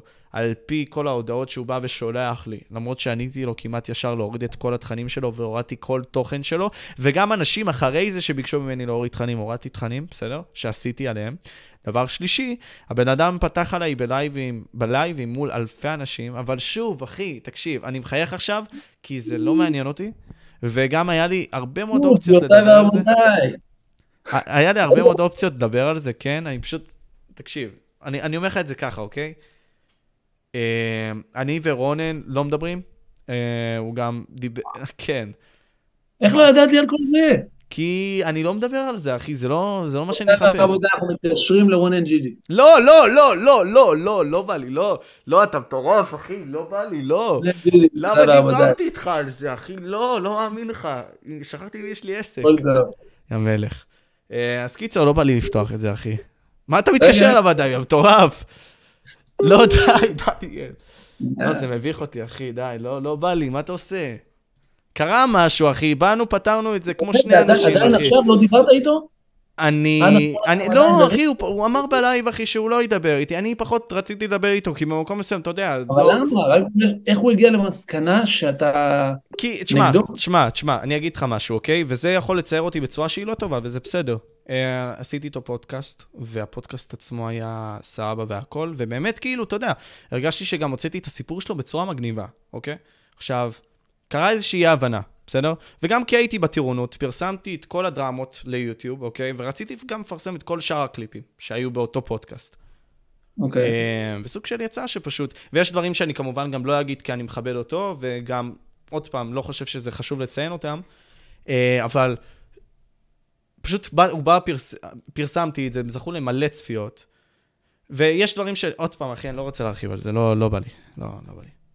אז בעצם עשיתם פודקאסט, כאילו מה ש... שיתוף עשינו, פעולה. עשינו שיתוף פעולה, באתי, העליתי עליו קליפים, הוא לא אהב אותם, רצה שאני אוריד אותם, אחרי זה הייתה תביעה לאליאסו, שהוא פחות אני רוצה, לא, לא, לא בא לי לדבר על זה. עזוב, אחי, פשוט לא, פחות בא לי לדבר על זה. פחות לי לדבר על זה כי... אני עם אה, רונן ג'יג'י אחרי זה, נשמע מה הסיפור. אתה יכול לדבר איתו, אני, אני סתם ארחיב על זה עכשיו, אה, לא בא לי לדבר על זה כי אני לא מחפש את הדרמות, בסדר? זה הכל, אחי. אני לא מחפש את הדרמות, גם ניסיתי להימנע מזה, פשוט שאלת אותי. ואתה יודע, גם, גם העניין הזה של הפודקאסטים, וזה העניין המבאס, כן? כאילו, זה מרגיש לי כאילו אני נמצא איתך בשיחה, אישית, אחי, לבד כזה, אבל מסתבר שצופים עוד כמה? 130 איש. נכון, זה בעצם, זה, זה ככה, אמור ככה אמור להיות פודקאסט. פוסט, פודקאסט שהוא טוב, זה שיחה ביני לבינך, שבמקרה יש פה עוד איזה כמה שצופים. כן, אחי, בסדר, הכל טוב. אה, אגב, יש שאלה, מעניין אותי איך זה מבחינה, אני אין לי הרבה הרי... אוקיי. אה, היסטוריה ביוטיוב, אני לא יודע, אין לי הרבה ניסיון. כן. איך זה שאתה עושה ריב עם מישהו, אוקיי. מה קורה עם התוכן איתו לדוגמה? עכשיו עשית איתו פודקאסט, אתה. משאיר את התוכן, הכל אה, נשאר? או אני מה? לא יודע, אחי, אני... כי זה לא מעניין אותי, שוב. בעיקרון, אחי, מה שהוא ביקש להוריד, הורדתי, כי אני מכבד אותו. ושוב, אני מכבד אותו כי הוא היוצר תוכן ש... אתה יודע, אני פחות צופה ביוטיוב, כן? אבל אני הכי הייתי אוהב לצפות בו שבעולם, כן? אה, כן. בסדר, אני לא יודע איך. אה, כל החוקים האלה הולכים, אחי, זה גם פחות מעניין אותי. אז אתה בינתיים משאיר, אתה בינתיים משאיר את כל הדברים עליו. אה, השארתי את הפודקאסט עצמו, אה, השארתי כ- חלק מהחלקים, אחי, שהם טובים, שהם באים ומוציאים אותו טוב, כי אתה יודע, מגיע לו שיוציאו אותו טוב, אתה יודע, הפודקאסט עצמו היה סבבה. ועכשיו אתה לא מדבר איתו. פשוט, כן, אחי, אנחנו בני אדם, אתה יודע, לא כל אחד מתחברים, יכול להיות שהוא לא ראה אותי בעין יפה, וזה בסדר, אחי. אנחנו בני אדם אחרי הכל. מעניין, מעניין. אני, גם יש דברים שאני פחות אה, יכול להרחיב עליהם, כמו שאמרתי לך, כי אני פשוט לא רוצה. אה, זהו, זה הכל. אוקיי, אוקיי. אה, איזה דרמה. זה לא דרמה, אחי, זה נגמר, זה מזמן נגמר, פשוט שאלת אותי, אז... עכשיו אתה לא מדבר איתו, אז הדרמה עדיין פועלת. אה, למה אני לא מדבר איתו? כי לא הסתדרנו, זה הכל, אחי. יש גם אה, יוצרי תוכן שבכללי, אחי, אתה יודע, לא דיברו במהלך השנים, אחי, כי קרה משהו וזהו. אוקיי, אוקיי, מעניין. אני, תקשיב, המטרה שלי ביוטיוב, אחי, זה באמת לראיין את האנשים שמשפיעים על הדור שלנו, שזה יוצרי התוכן. וכמו שנגיד סתם הבאתי את החוקרת הזאת על הטרנסג'נדרים, והבאתי היום מישהו שחקר על אחד מראשי הממשלה של ישראל, חשוב לי לידע את האנשים. לא מעניין אותי הדרמות, אחרת יכולתי לחלוב אותן ממש באותה תקופה, אה, וזה באמת היה דרמה. אה, חשוב לי להעביר את המסרים שלי, אני לא מספיק חשוב, המטרה שלי לך, חשובה. אני רוצה עכשיו טיפ, אני רוצה לתת לך טיפ עכשיו בתור אה, אחד שקצת יש לו ניסיון עם דרמות, כי אולי בזה אין לך כל כך הרבה ניסיון. אני ב- לוקח את כל ה- מה שקורה ברשת, אף פעם לא עושה את זה באופן אישי, ולמה זה טוב לי? לדוגמה עכשיו, אם עכשיו יקרה משהו עם אה, רונן ג'יג'י, אני רוצה להתקשר אליו, לקבל תגובה, אני לא מדבר עם רונן ג'יג'י. אין אצלי אף בן אדם שאני עכשיו בשיחת טלפון, לא יכול להרים עליו שיחת טלפון. לא משנה אם זה סטטי, ישראל בידור, זה כל האנשים שיצאתי נגדם, אני עכשיו בדקה שיחת טלפון מהם, אתה מבין? למה? כי שום דבר שיש לי ברשת זה לא באופן אישי נגדם, זה סך הכל מסקר אותם, וכועס אולי, או לא מסכים איתם, אבל אישית, אם אני עכשיו רואה אותו ברחוב, אהלן סטטי, כמו הולך, מה קורה, אם אני יודע שהוא יענה לי, אני אתקשר אליו עכשיו, אין לי בעיה. האנשים האלו, אין, אין לי איתם אף פעם ריב באופן אישי, ואני מציע לך גם, אתה גם אמרת לי לפני השידור שאתה חושב להיות עיתונאי השנה, תיכנס לזה יותר, אני כמובן אעזור לך במה שאתה צריך, אבל הדבר ראשון שאתה צריך לעשות, זה אף פעם לא להכניס את עצמך לזה. תסתכל על זה באופן, אף פעם לא באופן אישי, כי זה יפגע בך ברמה המקצועית, אתה מבין? אם קורה עכשיו משהו איתו, עם רונן ג'יג'י, אתה לא יכול להרים עליו טלפון, אתה כן. מבין? אה, כן. שום דבר זה לא פרסונל, אני חושב שאתה קצת הכנסת את זה יותר מדי פרסונל, אה, הנה אנשים פה אומרים גם, אתה צריך להיות יותר, ל, ל, יותר, אתה יודע מה? אובייקטיבי, אתה מבין? כן, אה, בסדר, אחי, כאילו, כל זה טיפ שלי ממני אליך לשנה הזאת שאתה נכנס להיות ל- לעניין של העיתונות, כי אני כן חושב, אני ממליץ לך, לא אומר שזה כסף רציני, ולא, אבל זה כן כיף, זה משהו שאני נהנה לעשות אותו, ואם אתה צריך כמובן כל עזרה, אני פה, אבל הטיפ הראשון זה שום דבר באופן אישי, זה, זה חשוב מאוד. כן, זה קשוח, כן, כשאתה צופה באנשים, אחי, ותשמע, זה משהו שאני אצטרך לקחת לחיים שלי, כי תחשוב, אתה גודל על אותם אנשים, אתה רואה את התכנים שלהם, הם גם באיזשהו מקום, אתה יודע, אני בן אדם שמאוד מעריך דברים שאנשים אנשים עושים בשבילי, ופשוט אומר שמבחינתי זה כזה מגניב, אתה יודע, וואו, הוא עשה בשבילי משהו מגניב. אפילו אם אחרי זה רבנו, אני אזכור לו שהוא עשה לי את הטוב. עדיין לזכור לו את זה. אבל כן, אין כזה דבר רבנו, מה זה רבנו, אחי? זה הכל רשת, אין רבנו אין, פה. ברור, ברור, אבל הכוונה היא ריב, ריש... אחי, ריב של היוטיוב המזדרגג הזה, אחי, שזה... אני לא יודע אפילו על מה, אני לא מצליח להבין מה היה הריב, כאילו אני מנסה לחשוב. כי יש הרבה מאוד דברים עמוקים, אחי, שאני גם בוחר לא לשתף, בסדר? אה, שיש משהו שהוא... אני אגיד לך יש הרבה אנשים שדיברו נגדי מאוד מאוד קשה ברשת, כאילו במהלך הריבים בינינו, יש הרבה אנשים ש...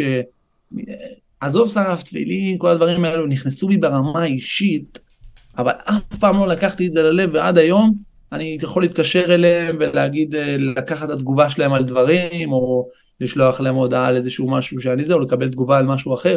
שום דבר שמישהו יגיד עליי ברשת, אני אף פעם לא אקח את זה באופן אישי, כיוון שאחרי הכל זה תחביב, והרשת זה לא החיים האמיתיים, אתה מבין? אם מישהו יגיד לך בחיים האמיתיים, חבר שלך טוב, יפגע בך, זה יכול להיות יפגע. אבל בח... ברשת, מה זה הרשת? זה הכל משחק, אתה מבין? אתה עוזב פה את הרשת, סוגר את המחשב, זה לא קיים. אבל אתה חושב ככה, אבל כשזה מגיע לתביעות כנגדך, זה, זה הרי לייף, אחי. יכול להיות שהמקום הזה שאתה אומר עליו, שאתה יוצא אליו לתוכן ולעשות אותו, אחי, זה מבחינתך דמות, אבל אתה יודע, הדמות הזאת היא טיפה הופכת להיות למציאות כאשר באים ועושים כנגדך משהו, אחי. נכון, אני יכול להגיד לך שצריך להיות מאוד מאוד מקצועיים, וצריך לחשוב טוב טוב לפני שמעלים משהו ולומדים מטעויות, כי אני בהתחלה הייתי לא כל כך מקצועי, ולאט לאט לומדים, אין מה לעשות. אי אפשר אה, להגיע ישר ולהתחיל לדעת לשחות. גם כשאתה לומד לשחות, אתה צריך לעשות איזה פרקטיס בתוך המים, אתה מבין? אז אה, כן, כשאתה תתחיל, וגם אני, כשאני התחלתי, אה, עשיתי הרבה טעויות, אבל לומדים מזה, אין מה לעשות. כן, אחי, לגמרי, לגמרי. ולפעמים, לא יודע, אני עדיין בהרגשה הזאת שלפעמים צריך לסתום את הפה, אחי. ופחות לדבר, אבל אתה לגמרי בגישה ההפוכה של זה, שזה לדבר על זה ולהוכיח את זה. אני לא יודע, אחי. אני חושב ששום דבר שאי אה, אפשר לדבר עליו, כל דבר אפשר להגיע להידברות איתו, וגם עם הריבים הכי גדולים שיש לי, שאני לדוגמה יכול להגיד לך שאנשים רואים את מה שיש לי עם ישראל בידור כמלחמת חורמה, כי אני באמת כועס על כל ההתנהלות שלהם וחושב ש... צריך לחשוף כל דבר שהם עושים, אבל עדיין, אחרי הכל, גם כשדיברתי עם אימא שלהם, אמרתי להם, אמרתי לה, אני מוכן להגיע להידברות, ואני אשמח אם הם יוכלו לבטל את התביעות נגד אותה אה, מראיינת, ונוכל להגיע, איך אומרים, לסוג של אה, הידברות. אני, ש... אף פעם אין לי משהו אישי נגד אף אחד. עכשיו אני יכול להרים טלפון למנכ"ל של ישראל בידור, הוא פשוט לא יענה לי, זה הכל. כי הוא אוהב אותך, אחי. בסדר, כן. בוא, בוא נגיד ככה, אה, צ'אט, יש לכם בינתיים עוד שאלות שאנחנו יכולים לדבר עליהן? אה, ויש לי... יש לי... לבריכה לעומק, זה גם נכון, אתה צריך לקפוץ לעומק כדי ללמוד לשחות, לגמרי. מסכים. אה, בואו נראה אם יש לכם עוד שאלות. מעניין מה הוא חושב על הערוץ שלך. מה אתה חושב על הערוץ שלי?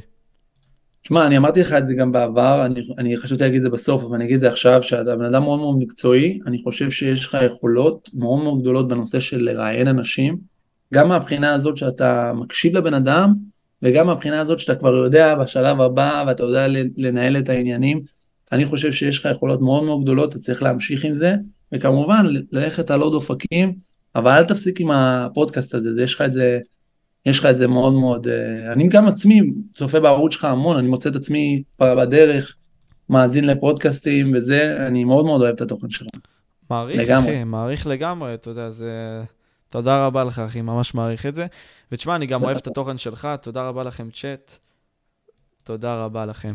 אני רוצה לשאול אותך, כאילו, יש לך עוד דברים שנגיד סתם שלא דיברנו עליהם, שמעניינים אותך, או שאתה הולך לדבר עליהם בכללי בימים הקרובים? יש הרבה, יש הרבה נושאים uh, שעומדים על הפרק, uh, שעדיין אי אפשר לפתוח אותם כל עוד אנחנו לא יודעים בוודאות, אבל אני אומר לך שיש דברים שלדוגמה הגיעו אלינו השבוע, uh, מישהו דיבר על נושא של uh, למה אין, סתם, נושא שמלחיץ לדבר עליו, אבל uh, למה אין, איך אומרים, uh, רוצחים, רוצחים סדרתיים, למה אין רוצחים סדרתיים בישראל? Okay. אוקיי. מישהו העלה על זה בטוויטר.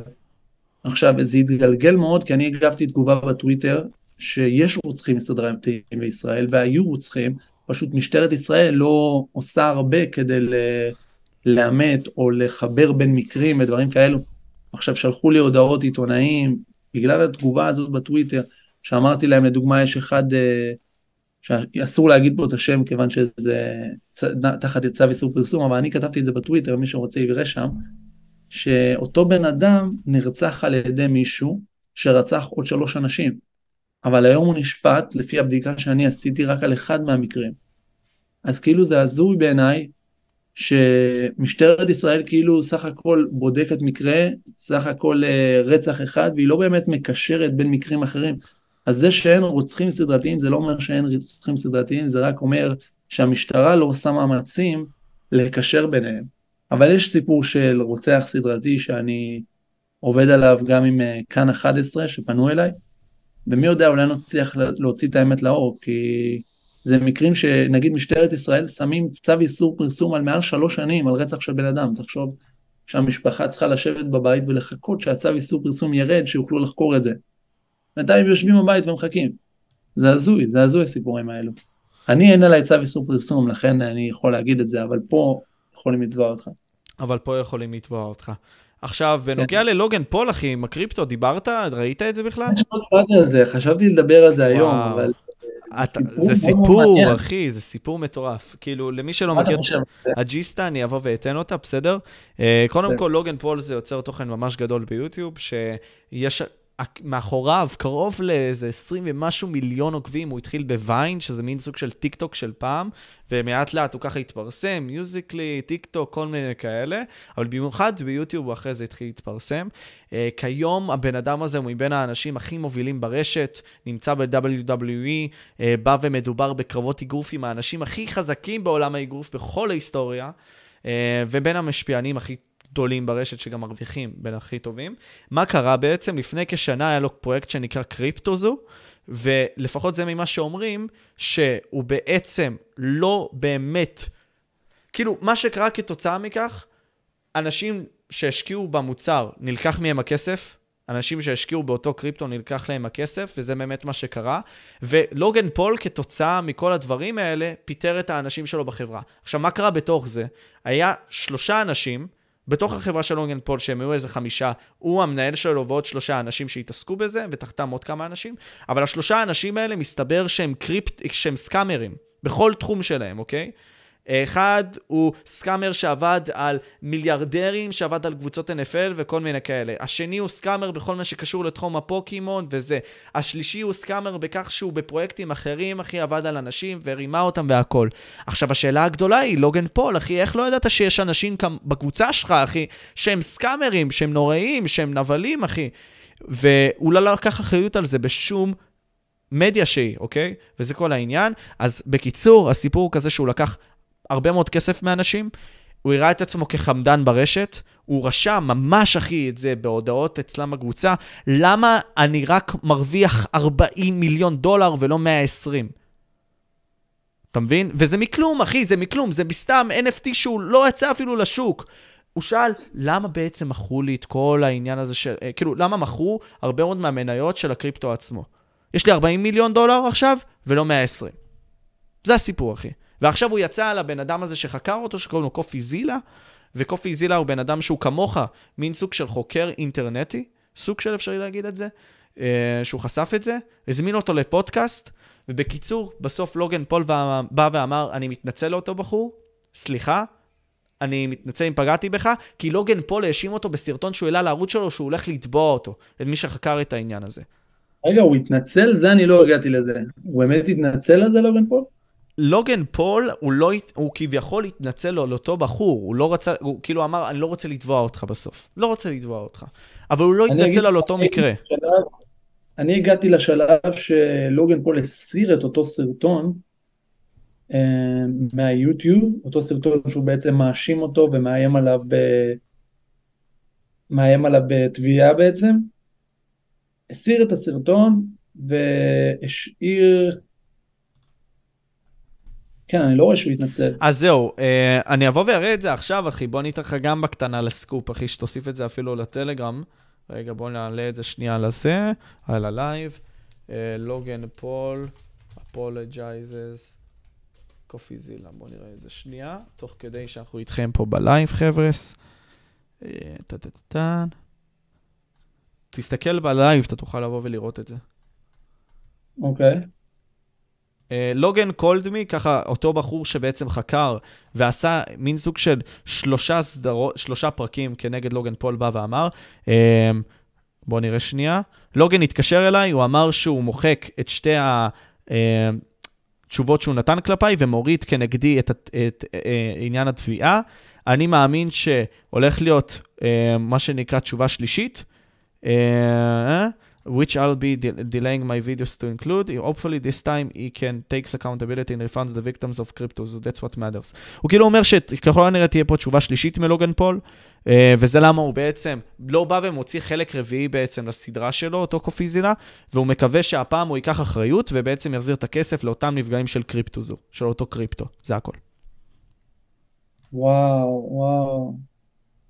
זה סיומת מעניינת, לא חשבתי שזה יקרה, חשבתי שהוא פשוט ימשיך בשלו, וזה, אבל נראה שעכשיו הוא הולך להתנצל, אבל בוא נראה. אולי הוא גם יחזיר כסף לנפגעים, כי יש הרבה ויקטמס בסיפור הזה. יש הרבה מאוד ויקטמס. אדיר אלעד, מה הולך, אחי? מקווה שאצלך הכל טוב, המלך. אה, שמע, אחי, וואלה, הגענו כמעט לשעתיים, יא מלך. כן, שמע, אדיר אלעד אגב הוא בן אדם uh, מעניין שצריך לדבר עליו, הוא עשה פה מהלך מאוד מאוד יפה עם השנים, ואני ממש אוהב אותו ככוכב רשת. מה הוא עשה? אני חושב שהוא נתן פה איזשהו אה, זווית לכל כוכ... שכל אחד יכול להיות כוכב רשת ולשנות את, התלמיד, את התדמית שלו מאחד שכאילו עשו עליו איזשהו bullying ודברים כאלו, הוא הפך להיות כוכב רשת מוערך, ואני ממש אוהב אותו. אחלה בן אדם. הוא אחלה בן אדם, מסכים איתך אחי, גם דיברתי עם אדיר, לא יצא לי לפגוש אותו בחיים האמיתיים, אבל הוא אחלה. מתי אתה עשית פודקאסט? אני עשיתי איתו כבר, ואני אה? מקווה לעשות איתו שוב, כן, הוא בין הנצפים שלי, היה נחמד. דיברנו על אותו אה, קרייטוקס. דיברנו על קרייטוקס וכל מיני כאלה. כן, אחי, היה... לא ידעתי שהוא הוא היה. בקרייטוקס, אחי, היה שם מלא דברים מעניינים, אחי, שיכולת לקחת כחומרים. היה סבבה לגמרי. וואלה, כן, אחי. לא, אבל זה כבר אה, פחות רלוונטי. לא, לא, עדיין ברשת, אחי. זה רלוונטי אני אלך לבדוק. אוקיי. אה. בכללי, אה, דניס- אומר, אז זה פשוט פרשת מישל טרוני ודניס צ'רקוב. לכאורה מה שהיה עם המוזה, אחי, זה MLM. MLM זה פשוט פירמידה, אה, ופה לא, היה, לא הייתה פירמידה, זה היה פשוט עניין של שקר, או יותר נכון, הייפ שקרי, שהם בעצם בנו, בהיותם יוצרי תוכן, יותר נכון. שלם שלא היה קיים. ובעצם הם באו ועשו pump and dump. הם באו והעלו את המניה והם מכרו את המניה, וזה הכל, זה הסוג של העניין שהיה. מוערך בעיניי בגלל שהוא הפך מכוכב רשת שעשו לו bullying, והוא לא עצר, הוא לא עצר והמשיך אה, בשלו. אדיר אלעד, אני כן מעריך את זה, אני מאוד מעריך אנשים ש... הרי הוא לא עשה שום דבר רע, הוא סך הכל היה מישהו והעלה סרטונים לרשת והפכו, עשו לו שיימינג מטורף, ואני חושב שמגיע לו על זה הרבה שאפו שהוא לא עצר והמשיך בשלו. אגב, התמונה הזאת מאחוריך זה אנדרו טייט? לא, איזה, זה זה? כאילו, רגע, בוא ננסה להראות את זה למסך שנייה. זה? הלו, זה, איך קוראים לו? זה פאק. אחי, זה טופאק. פאק, אחי, מהחוק זה נראה מוטט כזה. עשיתי גם אה, עוד מעט פודקאסט שייצא, אה, בגלל ביקוש של הרבה מאוד מהצופים, פודקאסט, פודקאסט על פאק, אחי. ווואלה, אחד האנשים, אחי, טופאק, אחי. אחד כן. האנשים. גוסט. אבל הוא היה, הוא לא זה, הוא לא זה שיצא עם הבת זוג של האיש, אה, של ההוא, איך קוראים לו, ש- שקיבל את המכה? איזה שנתן את המכה. ההוא שנתן מכה ל- לקריס רוק. לא, אה, וויל סמית, כן, כן, ג'יי- ג'יידה, לא, מה השם שלה? פין, סט- משהו ג'יידה פינקט? סמית. ג'יידה, ג'יידה, כן. אז אה, סוג של כן, היה ביניהם רומן, לא, לפחות מהאוטוביוגרפיות שבאות ומציירות על טופק, כביכול הם אומרים שהיה ביניהם קשר מאוד חברי, מאוד חזק, אבל מבחינת הרגשות של ג'יידה, היא מאוד מבטאה את זה כאילו זה היה קשר רומנטי כזה. אז מניח שהיה ביניהם קשרים כאילו של סקס וכל מיני כאלה, וגם וויל נכון, הוא- בראיונות בא ואומר, אחי, ש... הוא אומר שלא היה ביניהם משהו, משהו אינטימי. נכון, וגם הוא מכחיש את כל מה שהיה עם הבחור ששכב עם אשתו לכאורה. אתה יודע. הזוי, הזוי. אתה מבין? וויל סמית- זה אחד האנשים שצריכים את אנדרו טייט. להגביר לו את האגו, כי לפעמים אנשים כאלו צריכים להתעורר, שמנצלים אותם אנשים. כן, יש לפעמים שצריך את השוביניסטים האלו שיעוררו את הגברים ה... שבאמת מוכים, מוכים. לדעתי, וויל סמית הזה הוא גבר מוכה. ככה אני מגדיר את זה. גבר מוכה מנטלית, אחי. מנטלית, נכון, גבר מוכה מנטלית לגמרי. ואני אגיד לך מה, כלומר, טופק אחי ציירו אותו, או לפחות ככה וויל סמית אומר, בתור הבחור הזה. הוא כאילו היה הנסיך, אחי. אני הייתי פשוט הבחור החדש, אחי, הוא פשוט היה נסיך מבחינת הרבה מאוד אנשים. וואלה. כן, אחי, הבן אדם היה מטורף, ואני, אה, וואלה, הח- לדעתי חוקר ממש עמוק שלו. מה מעניין אותך, אחי, דניאל, בימים האלה, אחי? רגע, משה, כמה כסף תתרום כדי שתשים תיוג שלי בתיאור? תזרוק מספר. לא יודע, אחי, כאילו, 50 דולר, לא יודע, אחי. לא יודע, אחי, אני לא יודע. קיצר, נמשיך. אה, מה משהו מעניין אותך שעושה- בימים האלה? אה? ידעת שרונן עשה דיס על אדיר אלעד עם מיליון צפיות? ראיתי שהוא עשה, ראיתי שהוא עשה סרטון שהוא מתנצל לאחרונה, אה, רונן. כן. על, על אותו, לא? אבל אני לא הבנתי את זה, אחי. כאילו, על זה אני כן יכול לדבר, על זה אני מרשה לעצמי לדבר, אוקיי? אני מתקשה להבין למה הוא הוציא את זה, כי זה, מה זה... פשוט, לא, לא יודע. יפה? לא, לא, פשוט אני אומר, חסר טעם. כאילו, מה... אוקיי, אתה, אתה בא ואומר סליחה לבן אדם, כן? לעשות על זה סרטון? לא יודע, אחי. אני לא. יודע, על זה אני אדבר.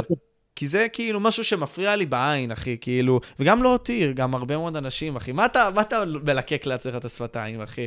כאילו, תפסת ג'וס, אחי, תרגע, אני עוד פשוט... ג'וס, יש לנו פה לא, בין... לא, אה, לא, לא בין ג'וס, אחי. פשוט אני אומר, אחי, עובדתית, שלא יודע, למה להוציא על זה משהו, עבר זמן. למרות שגם אני חוטא בזה, אחי, אני גם בן זונה, אז למה אני אומר את זה?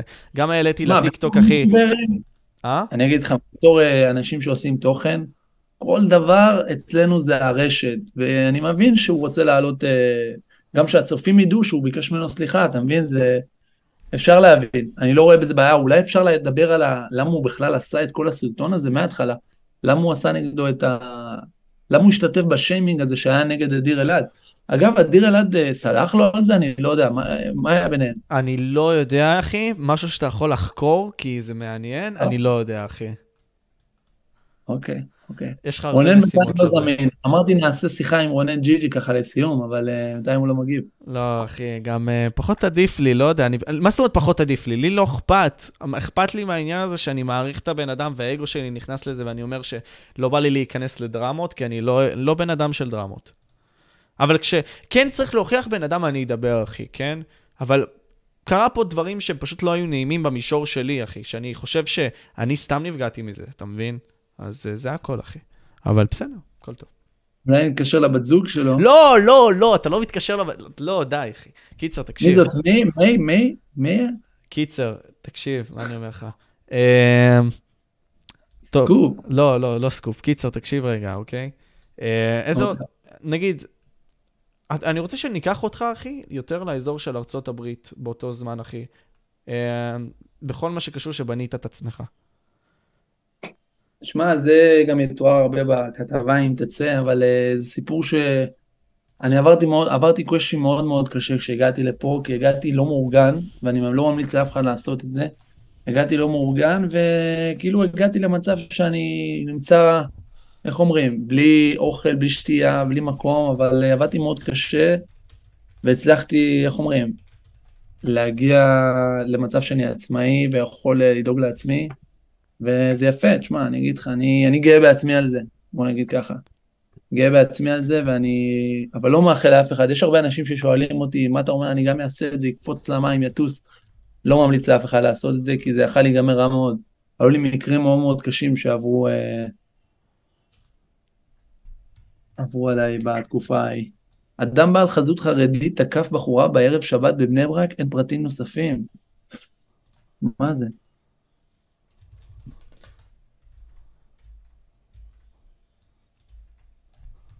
יואו.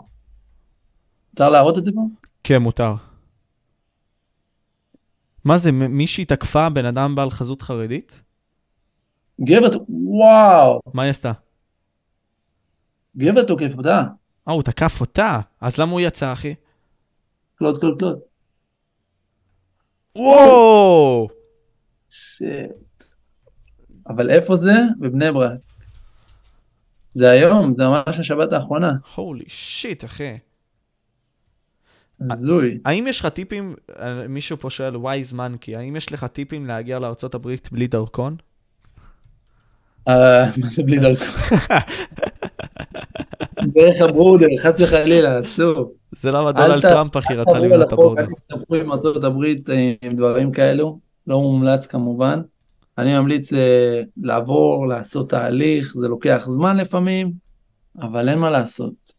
אל תסתבכו בדברים לא חוקיים, כי זה יכול אה, לסבך לכם את החיים. מסכים, אחי, לגמרי מסכים.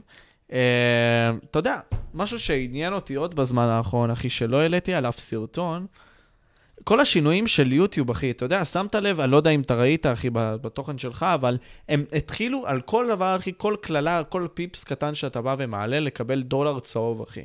כאילו, יוטיוב מה? במקום מסוים הופכת להיות טיק טוק, אחי, אני לא מבין למה. אה? שחוסמים כבר על כל דבר, אבל השאלה כמה הם חוסמים, כאילו מורידים את המונטיזציה, הם לא באמת חוסמים לך סרטונים על דברים כאלו. הם מורידים לי את המונטיזציה, אבל אתה מבין, מונטיזציה זה משהו שבחלק מהמקרים, לא בארץ, כן, בגדול, מכלכל הרבה מאוד אנשים, אחי. נכון, תשמע, אני, אני לא מתפרנס מזה, אבל אני יודע שאם אני ארצה להתפרנס מזה, זה יהיה מאוד קשה. יוטיוב אה, הם בעייתיים מאוד. אני יכול להגיד לך שהסרטון השני על אה, זה, כמו שאמרתי לך, על סטטיק, אה, הפעלתי על המונטיזציה, ועד שזה הגיע ל-48 בכלל לא היה מונטיזציה, 48 אלף. כאילו, צריך להעלות סרטון, לחכות איזה שלושה ימים עד שהוא באמת יהיה מאושר, ואז להעלות אותו. צריך, צריך לדעת, ביוטיוב צריך לדעת איך לפעול. אני חושב ש... מה, אסור קללות? על מה חסמו אותך? על איזה סוג של קללה? אמ, כל סרטון שלי, בוא אני אראה את זה אפילו עכשיו לאנשים, סבבה, גם אתה יכול לראות את זה עכשיו בלייב שלי, אחי. כל סרטון שאני מעלה, אחי, יש לו דולר צהוב. אשכרה לא העליתי פעם קודמת, אחי, את מה שרציתי להראות ב stream, איזה סטלבט. אה, בסדר. דרך הסטודיו שלי, מקווה שזה לא יראה צפיות או משהו. לא, לא, לא, לא. הראית כסף, בסדר, לא נורא.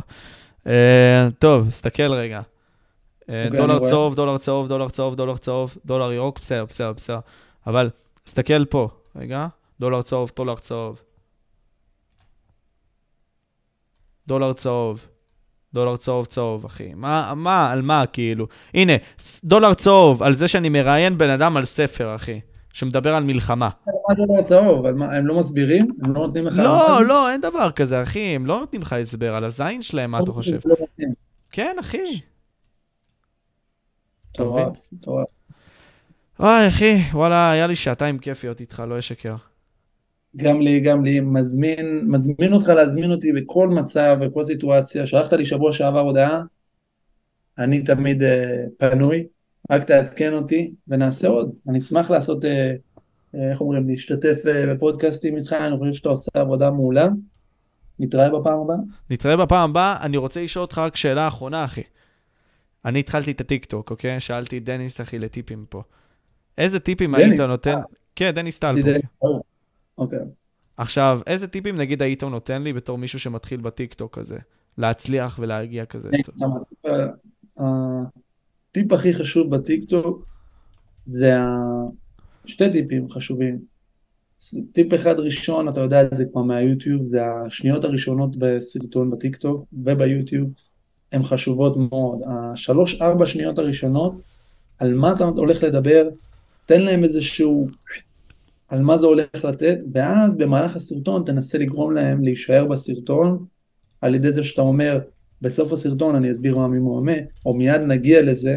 זה דברים שלמדתי אותם במהלך הסרטונים, כי אם אתה כאילו גורם לבן אדם לסיים את הסרטון, גם טיק טוק, איך אומרים, יריצו את הסרטון שלך יותר, וגם השניות הראשונות שאנשים לא יחליקו מהר למעלה על ידי זה שאתה תראה להם על מה מדובר, ממש בהתחלה, כי ברגע שהם מתקשים להבין על מה מדבר הסרטון, בחמש שניות הראשונות רוב האנשים פשוט יחליקו למעלה. אתה צריך להגיד, ממש בהתחלה, אנחנו הולכים לדבר על זה ועל זה, או אני לא יודע איך אתה מתחיל סרטונים, אבל שהם יבינו בחמש שניות הראשונות מה הם הולכים לצפות.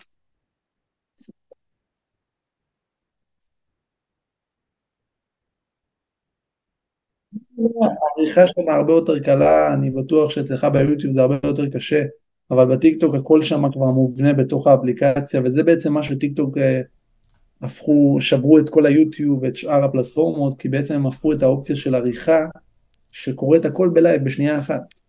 כן, אחי, לגמרי. תשמע, מלך, קודם כל אני רוצה לאחל לך לתחילת השנה, אחי, שתמשיך להיות מפחיד, אחי, תמשיך להיות ביסט, תמשיך לתת בראש, אחי, מאמין בך. ובתקווה, אחי, שאתה יודע, אם uh, כל העניין הזה של מה שאמרתי לך יקרה, אז נצטלבו, תארגנו, ואם לא, אז אתה יודע, נעשה פודקאסטים בלי קשר, אחי. ברור, תשמע, אתה יכול תמיד לשלב את כל הדברים, להיות עיתונאי, ואתה גם בישראל, אתה יכול להוציא תעודת עיתונאי בשנייה אחת, הכל במקביל, אתה מבין? אני בטוח שאתה יכול אה, לעשות את זה בצורה מאוד מאוד מקצועית, וזה גם כיף, זה, זה תחביב מאוד אה, נחמד שאני עושה. אני בטוח שאתה תהנה מזה, אם לא, לא. תמיד לא, אפשר לא. לנסות. מסכים איתך, אחי. מסכים איתך. טוב, אנחנו היינו פה. תודה, Thank thank for having me, איך אומרים? Thank for having me. יש לך משהו אחרון שאתה רוצה להגיד לצ'אט או משהו? לצופים, אחי?